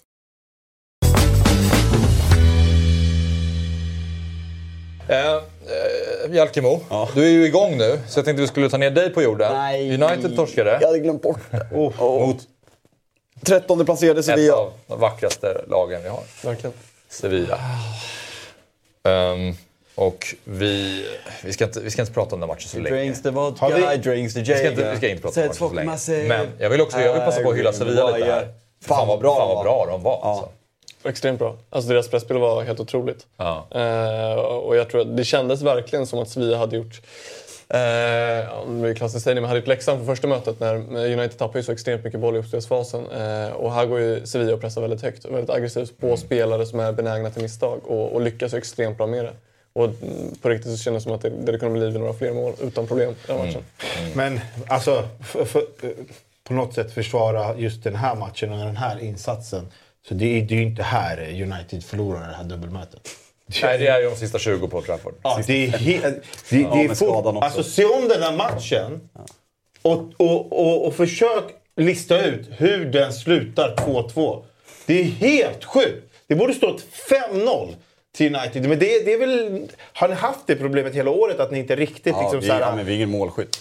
Det är det som har varit pro- stänger igen matchen? Sen, jättestort problem många matcher, att de, att de inte gör mål. Eh, och här, alltså, jag ska verkligen inte försvara någonting. Det är en patetisk insats på alla sätt och vis. Men jag tycker att man ser liksom Lisandro Martinez passningsfot i uppspelsfasen. Eh, Rashford är vårt enda offensiva hot som, som Bruno finns. Fernandes och att Bruno. Fernandes ledaregenskaper saknas så fruktansvärt mycket. Han, folk får bli hur provocerade de vill av Bruno Fernandes, att han är vidrig. Men han är en ledare som betyder jättemycket för det här laget. Ja, det här- han, han, han är en ledare i Manchester United. men, här, I inget annat lag. Han, är- han är inte en ledare. Nej, Eh, Så, så här, det, Men, men det här, det, här, det här United var ju ändå back to before Ten Hag. Ja, men det här, så här är ju Rangnick eh, United. Typ. Ja, Maguire gör ett misstag. Sancho är så dålig som man inte vet. Eh, Martial snubblar på sig själv och blir skadad i fyra månader. Ingen vet ens hur han gjorde illa sig på den här jävla hörnan som det blev mål på. Så det är typiskt, det är typiskt United before Ten Hag. Det är skönt att de fortfarande har det i sig kan man Alltså det positiva med de här insatserna, Guardian, Jimmy Jackson på The Guardian skrev en artikel dagen efter liksom, ja, typ att sådana här insatser, liksom att det är en clear out att vänta för det kommer finnas, det är osäkerhet kring ägandeskapet, hur mycket pengar det kommer finnas i sommar och man vill ju ha en, ja, men en central mittfältare som kommer ta Christian Eriksens roll. Eh, där man, alltså Frenkie är väl första valet fortfarande, nu verkar han stanna i Barcelona och framförallt en nia. Men att man ska man värva mer och även kanske få ihop två miljardvärvningar som det snudd på kommer, som man kommer gå för i känslan så måste man finansiera och då är det ju spelare som ja, men Fan-Bissaka, eh, som Sancho eventuellt, Martial, Victor men vad kan man få för Sancho i dagsläget? Får du över, ärlig fråga nu, får du över 35 miljoner eh, pund för honom? Nej, något sånt. Alltså, Och vart det- ska, vart ska han gå liksom? det är det jag menar. Vilken klubb tar Alltså Sancho ser ut som att han... Spurs.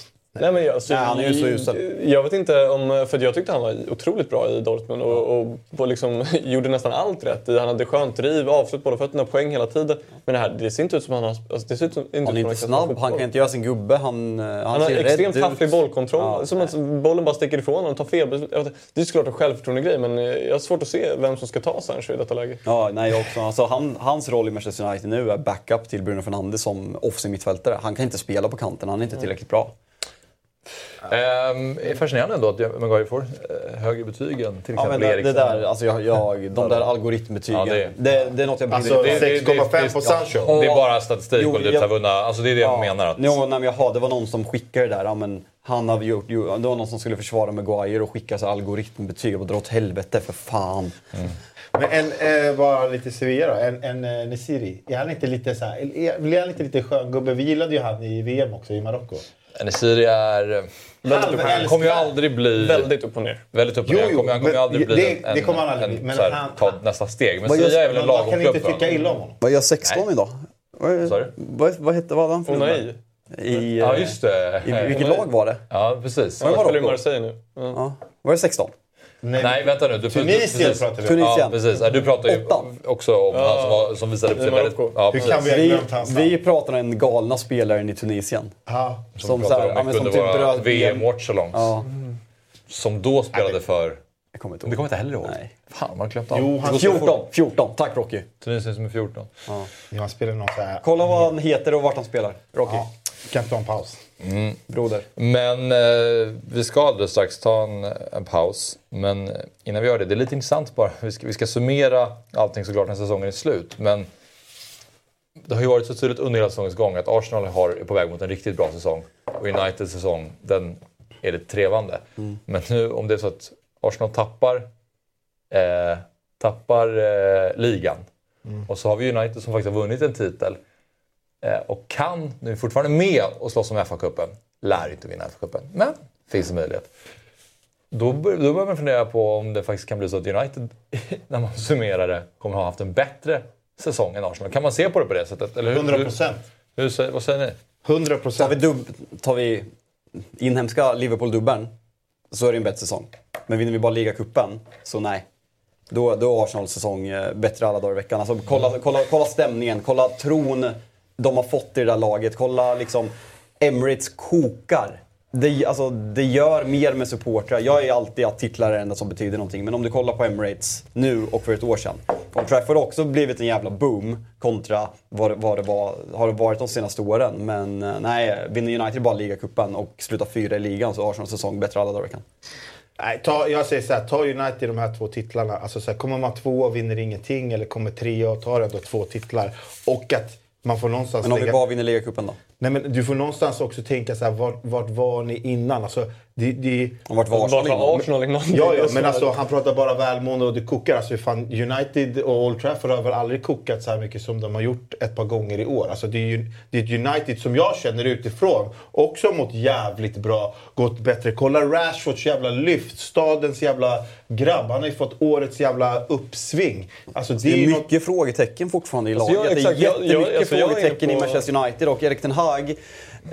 Det är oroväckande. 0-7 mot Liverpool, 3-6 mot City indirekt. Alltså Arsenal avgör, gör 3-2 på övertid men det är klart bättre. Man 0-4 mot Brentford. Nu har vi Men, även men, men vinner 0-3 ni mot? Sevilla. Vinner ni titeln i helgen? Tror inte det- spelarna känner så här? Och ni kommer trea, äh, semifinal. Men vinner ni titeln? Tror ni inte att ni... Jag tror inte att spelarna känner så här. Vi har tagit två titlar, vi Jo, kommer men jag säger, jag säger Fan vad alltså, bra vi kom, mår. kommer vi, vinner vi Alltså, FA-cupen så är det en bättre säsong än Arsenal. alltså, Alltså, jag man tycker att. Men eh, Arsenal är ja. framtids... Det kommer vara deppigt med Arsenal. De tappar eh, mot West Ham, Southampton. De kommer torska mot City. Sen vad, vad är det värt? Men, eh, men det, det jag tror att grejen vi pratar om är så här, min ståndpunkt i alla fall, var kommer Arsenal ifrån? De kommer från liksom alltså, misären i så många år. Och att ha den här truppen som Arteta spelar en fantastisk fotboll med, som utvecklas, som är på frammarsch så tydligt att man är, man är någon poäng ifrån, för man kommer ju tyvärr, tror jag, inte ta titeln.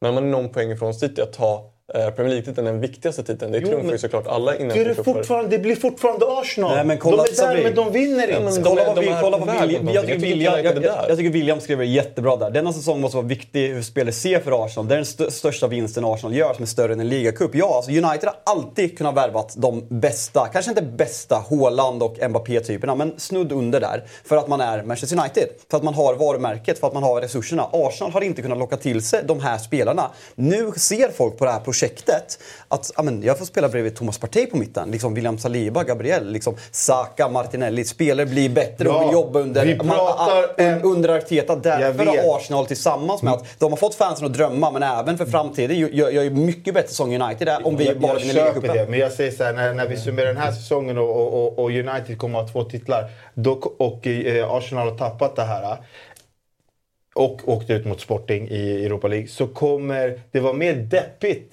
i Arsenals trupp än vad det är i United. Det är min poäng. United-spelare kommer vara mycket mer nöjda och glada än vad Arsenal kommer vara. De kommer bara deppa för att de har förlorat en liga och haft det helt i egna händer hela Får vägen. jag fråga dig en sak, du som är bettingexpert, på tal om innan vi går på paus. Mm. Brighton är oddsfavoriter mot Manchester United Mm. i semifinalen. Men United har lägre odds att vinna FA-cupen än Brighton. Är det att, att de tänker att United har större chans att slå City i ett derby? Ja.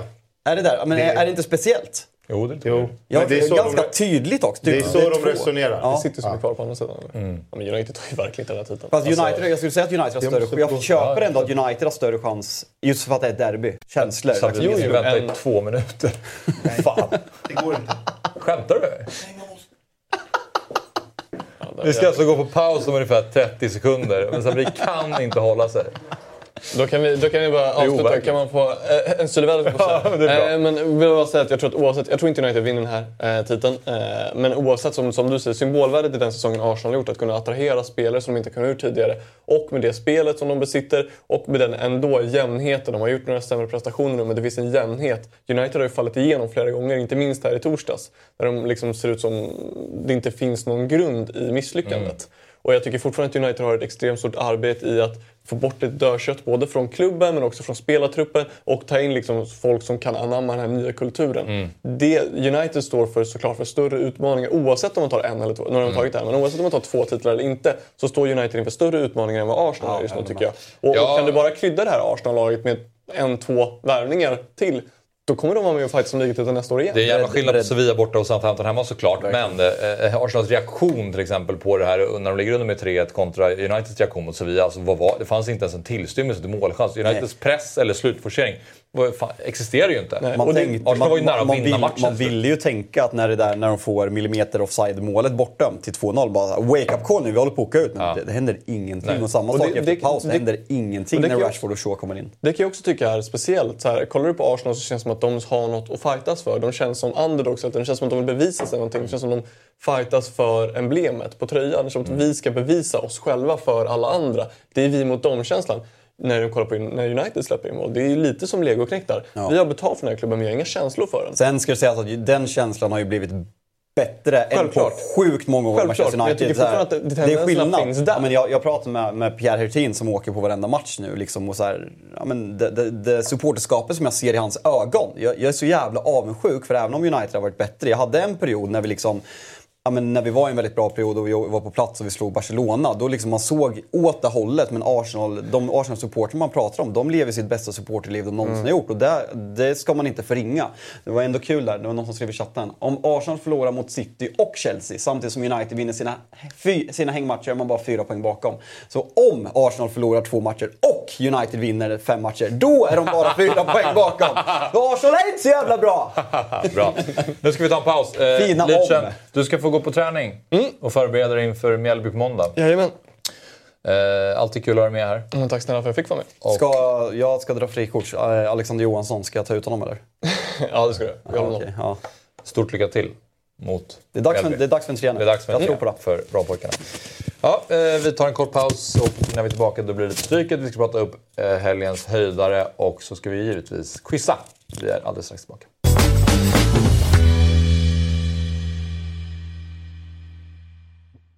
Vi är precis tillbaka från pausen och det var väl bra eh, Sabri kanske att det gick lite tidigare så du är tillbaka. Ja, det var bra för Första gången. vi lever. det var bra. Fan vad ont jag hade. Nej men. Och att jag är i tid, exakt. Mm. Och eh, Sabri, de europeiska toppligorna de börjar ju lida mot sitt slut. Men nu är det ända in i kaklet som gäller. För nu ska vi prata Stryket. Kolla där. Jag har fått kärlek också. Det är inte ofta. Från William. Ja, två stycken. Du får hylla hans utläggning där. Ja. Ja, ja. Men eh, vi ska börja med att kolla på förra veckans kupong. Eller förra veckans eh, eh, kupong, precis. Och Ska du göra som senast när du skulle dra alla, alla dina matcher eller? Inte ett kryss blev det. Det är väl eh, det som jag eh, noterat. Ja. 147 stycken hade 13 rätt och det var en utdelning på 43 756 kronor. Mm. Inte ett kryss, det är ju Du ovanligt satte, verkligen. du satte bompan va? Ja, Ja, du hade ju med den. snyggt eller hur? Mycket snyggt. Ehm, Och min helgardering. men det blev ju då totalt nio rätt för dig, Sabri. Och det blev det även för Fabian Jalkemo. För Myggan, då blev det tio rätt. Så att Myggan var starkast eh, vecka 15. Men eh, Jalkemo är fortsatt du Ja men det är slakt. är Jag är stabil. starkast overall. Stabil. Ja, du är väldigt stabil. 9, 9, 10, 9. När får vi den här rejäla träffen Nej, då? det kommer inte ske. Du går inte riktigt för den. Nej, jag, jag går för total, totalen. Sabri går för cashen, jag går för totalen. Ja, men jag tror det kommer, det, det kommer sprängas här snart. Någon, någon vecka. här. Jag har, jag har den Det feelingen. där har du sagt i två års tid. Nej, nej, nej. Jo, det faktiskt. har du. Det har vi sagt ganska länge. Men jag tror att... Jag har en, jag har en känsla av att det kan hända. Inte ja, men inom, inom den närmaste månaden. Det värsta, är- det värsta är när jag skulle börja andelsspel. Jag fick köra två veckor. Fick ju mindre, mindre rätt på mina två andelsspel än det här. Och då har jag typ så här fem tecken mer. Nej, det, Det är så dåligt. vi eh, ska ta och titta på dagens kupong. Då. Det är spelstopp idag 15.59. Det är 11 miljoner jackpot. Ehm, och det börjar då match 1 med Liverpool mot Nottingham där samtliga har spikat ettan. Du hade med en bompan som vi nämnde mot Tottenham, men här vågar du inte riktigt sticka ut. Nej, för att jag... Alltså det var ju dels för att eh, man inte... jag- Känslan att man inte riktigt vet vad man har Spurs. Och Bompan är ju faktiskt ett bättre lag än Nottingham. Nottingham är ju usla, men de är verkligen usla på bortaplan. Eh, så, och, och när vi kör 384 rader, då är det inte på match 1 vi kommer slösa ett tecken. Eh, så mycket kan vi ju... Där håller vi ju med varandra allihopa. Så den ettan är ju eh, spikad. Jag såg att du, nu spretar jag iväg här. Såg att du gick på tre backar i Liverpool i ditt free hit i FPL. Ja, men jag missar ju deadline. Jaha. Ja. Vi, vi återkommer till det. Ja. Men, Jag vill inte eh, prata om... Vi eh, pratade kan om vi- den matchen så det var ändå på ämnet. ja, det var på ämnet. Skit i vi FPL. Liverpool. Men match nummer två, där, där är det skillnad. För då har vi helgardering på Myggan, helgardering på Sabri. Men Jalkemo, du tror ändå att Leicester... mm, Det kan ju mycket väl vara så, men de är ju jättemärkliga. Jättedåliga. Och dåliga, ja. Jag vet, det känns inte bra när jag ser det här tecknet om jag ska vara helt ärlig. Nej. Men kollar man på laget, det är, ett, det är bra spelare. Alltså NDD, Thielemans, KDH, din gubbe. Ja, ja. Eh, Kastan. Hall. fan heter han? Mittbacken? Wout Wout Fess. Fess, ja. Ja. Men två ordinarie spel i belgiska landslaget och sen Eonacho måste få starta den här matchen. Det, det är dags! Det är, dags. det är så dåligt argument. Att det är De har dags. varit dåliga så länge så det är dags.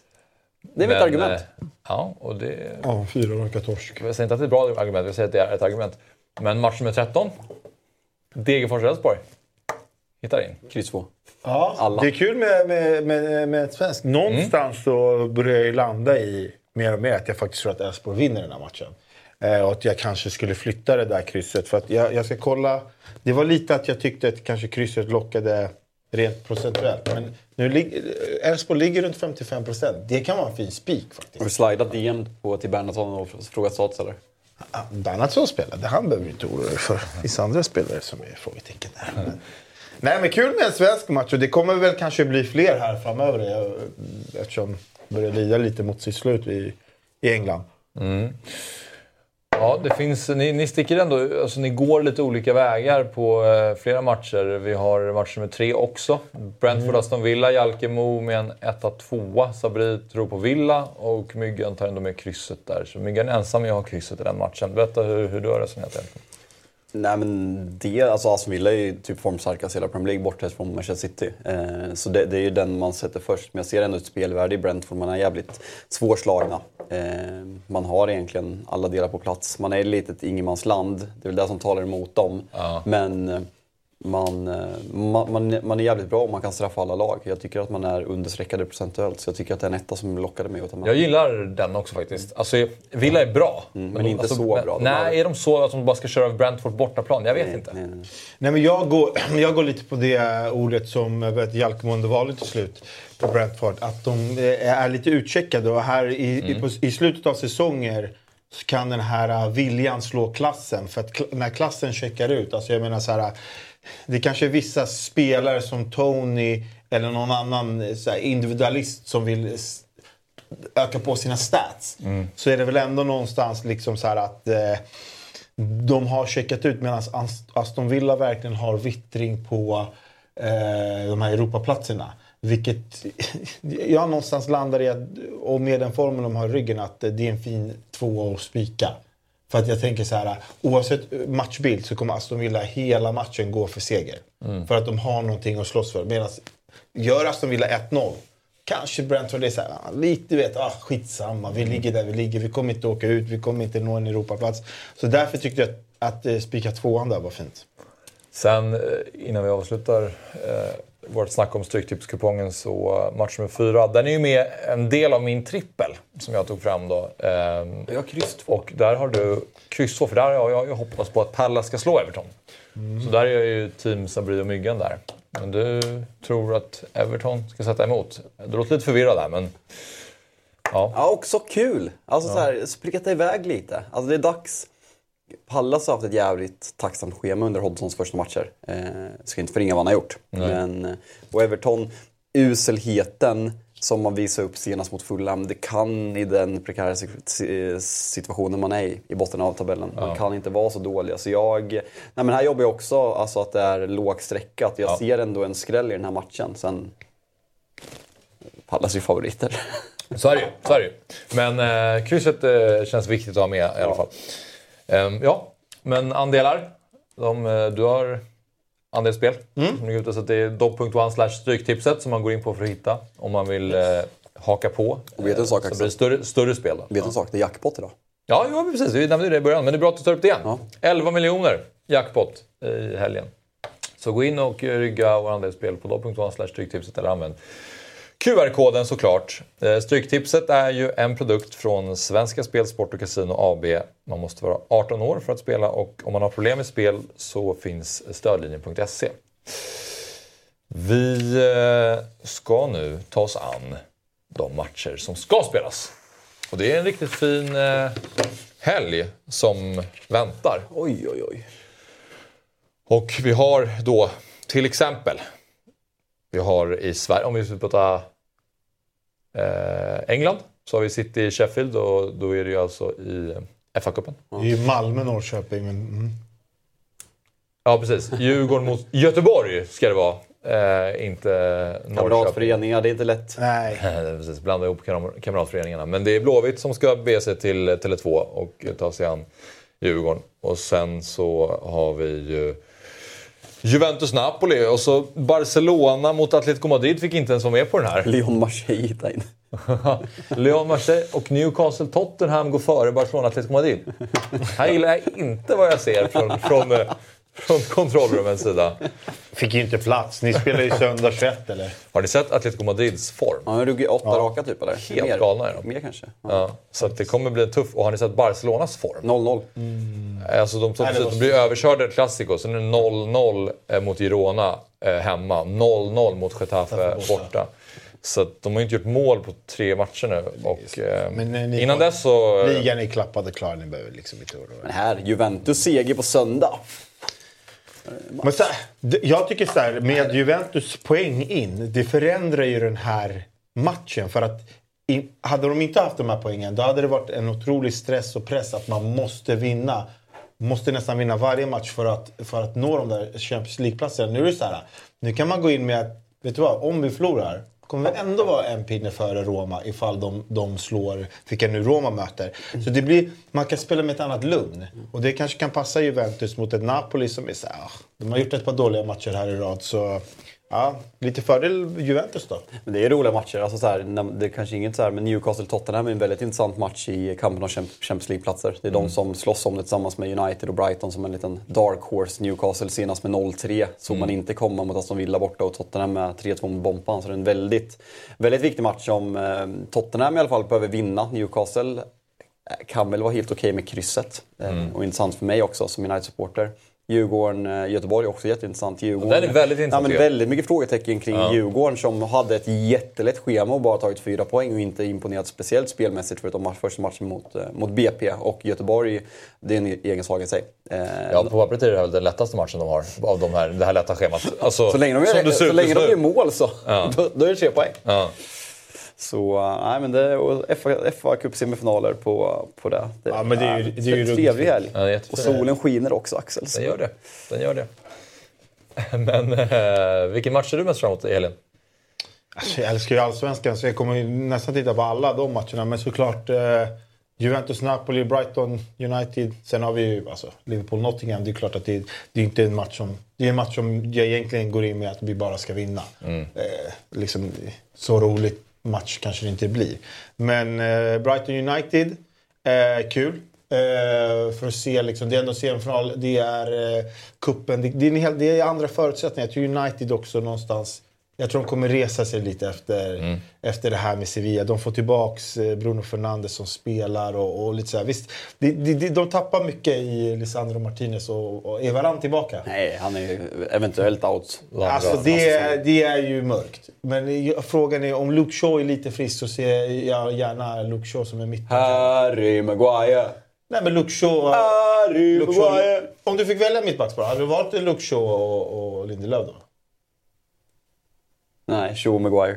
United är bättre med Maguire på plan. Vinner mer matcher än när de spelar med Vigge. Alltså det, det, det är sant. Han får vara hur dålig han vill och se klumpig ut som han vill. Men jag nej, spelar hellre Maguire och, eh, och eh, Shaw.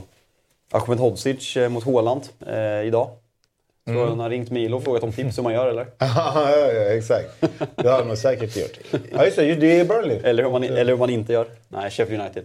Förlåt, Sheffield United. Intressant. Hjalmar spelar i Burnley. Intressant att du faktiskt vill ha Maguire på, på plan. Ja, det- Före Vigge. Ja. Det förvånar mig. Men, ja. Alla tränare har valt Jo. Maguire före Vigge. Jo. Så det, det är ju... Men- Alla kan ju inte ha fel. Alltså, Tack Oscar, Maguire är avstängd. Så jag vill ha Vigge. Åh fan. Vigge och Shaw. Men det där är eh, helgen och den kommer bli väldigt eh, fin förhoppningsvis. Det finns många bra matcher att kolla på.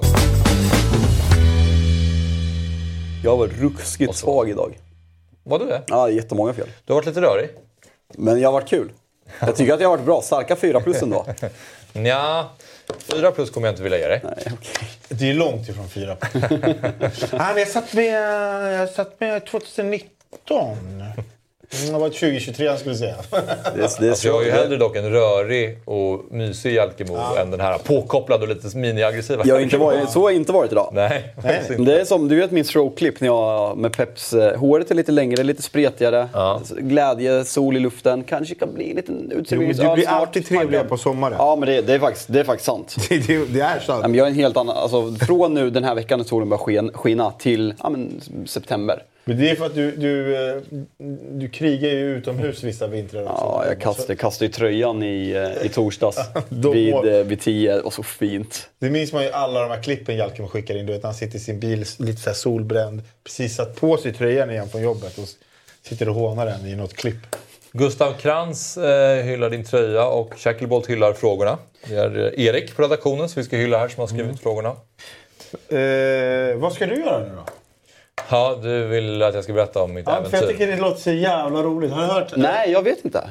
Va? Fan vad kul. Nu kanske du ger chatten lite tips på olika... Alltså på en rolig grej man kan göra med polarna. Ja, precis. Ja, men det är väl en... eh, Det känns väldigt studentikos hela, hela evenemanget. Höghöjdsbana. Nej, men eh, det är något som kallas för eh, Chase the Chicken. Och då är det massa människor som... Paintball? Nej, nej. Lyssnar du? Eh, lyssna. vi, vi är ett gäng vänner eh, som ses. Jag, jag känner inte alla för det är ganska många olika kompisgäng då, som har blivit inbjudna till det här evenemanget.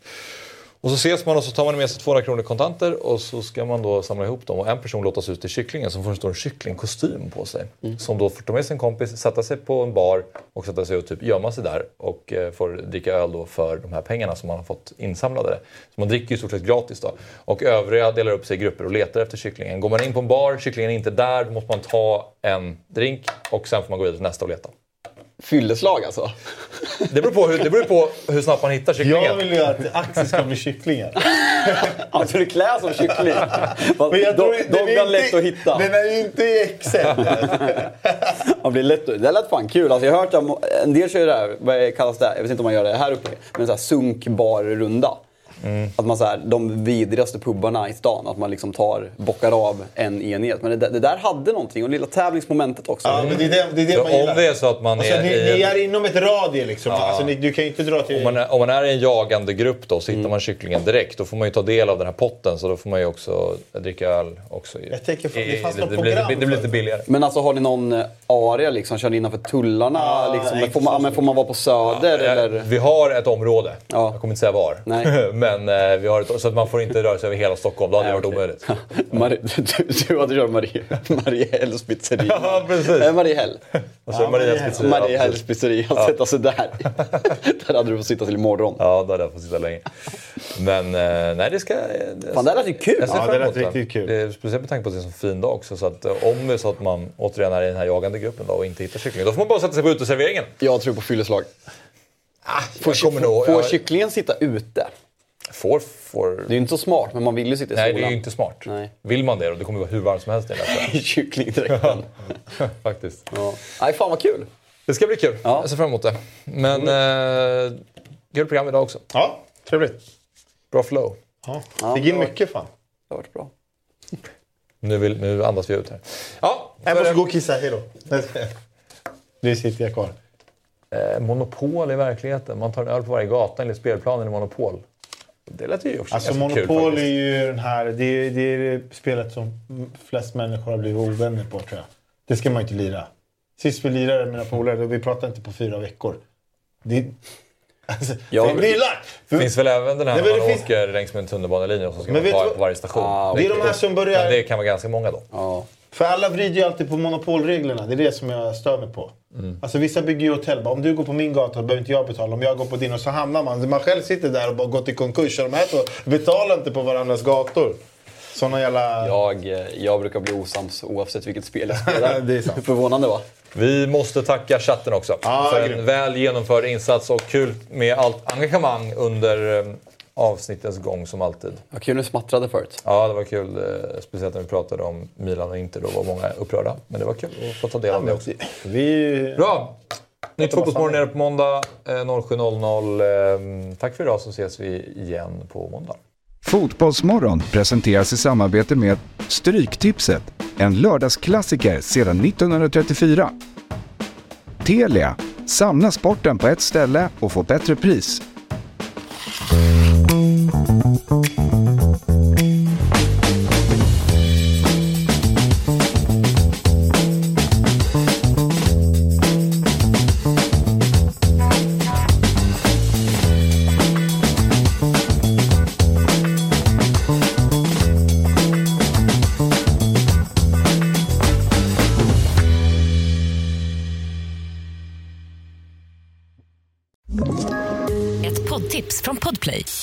podden Något Kaiko garanterar östgötarna Brutti och jag, Davva, dig en stor dos skratt.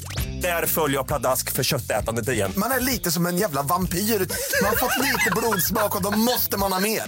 Udda spaningar, fängslande anekdoter och en och annan arg rant. Jag måste ha mitt kaffe på morgonen för annars är jag ingen trevlig människa. Då är du ingen trevlig människa, punkt. Något Kaiko, hör du på Podplay. Därför är gardinerna.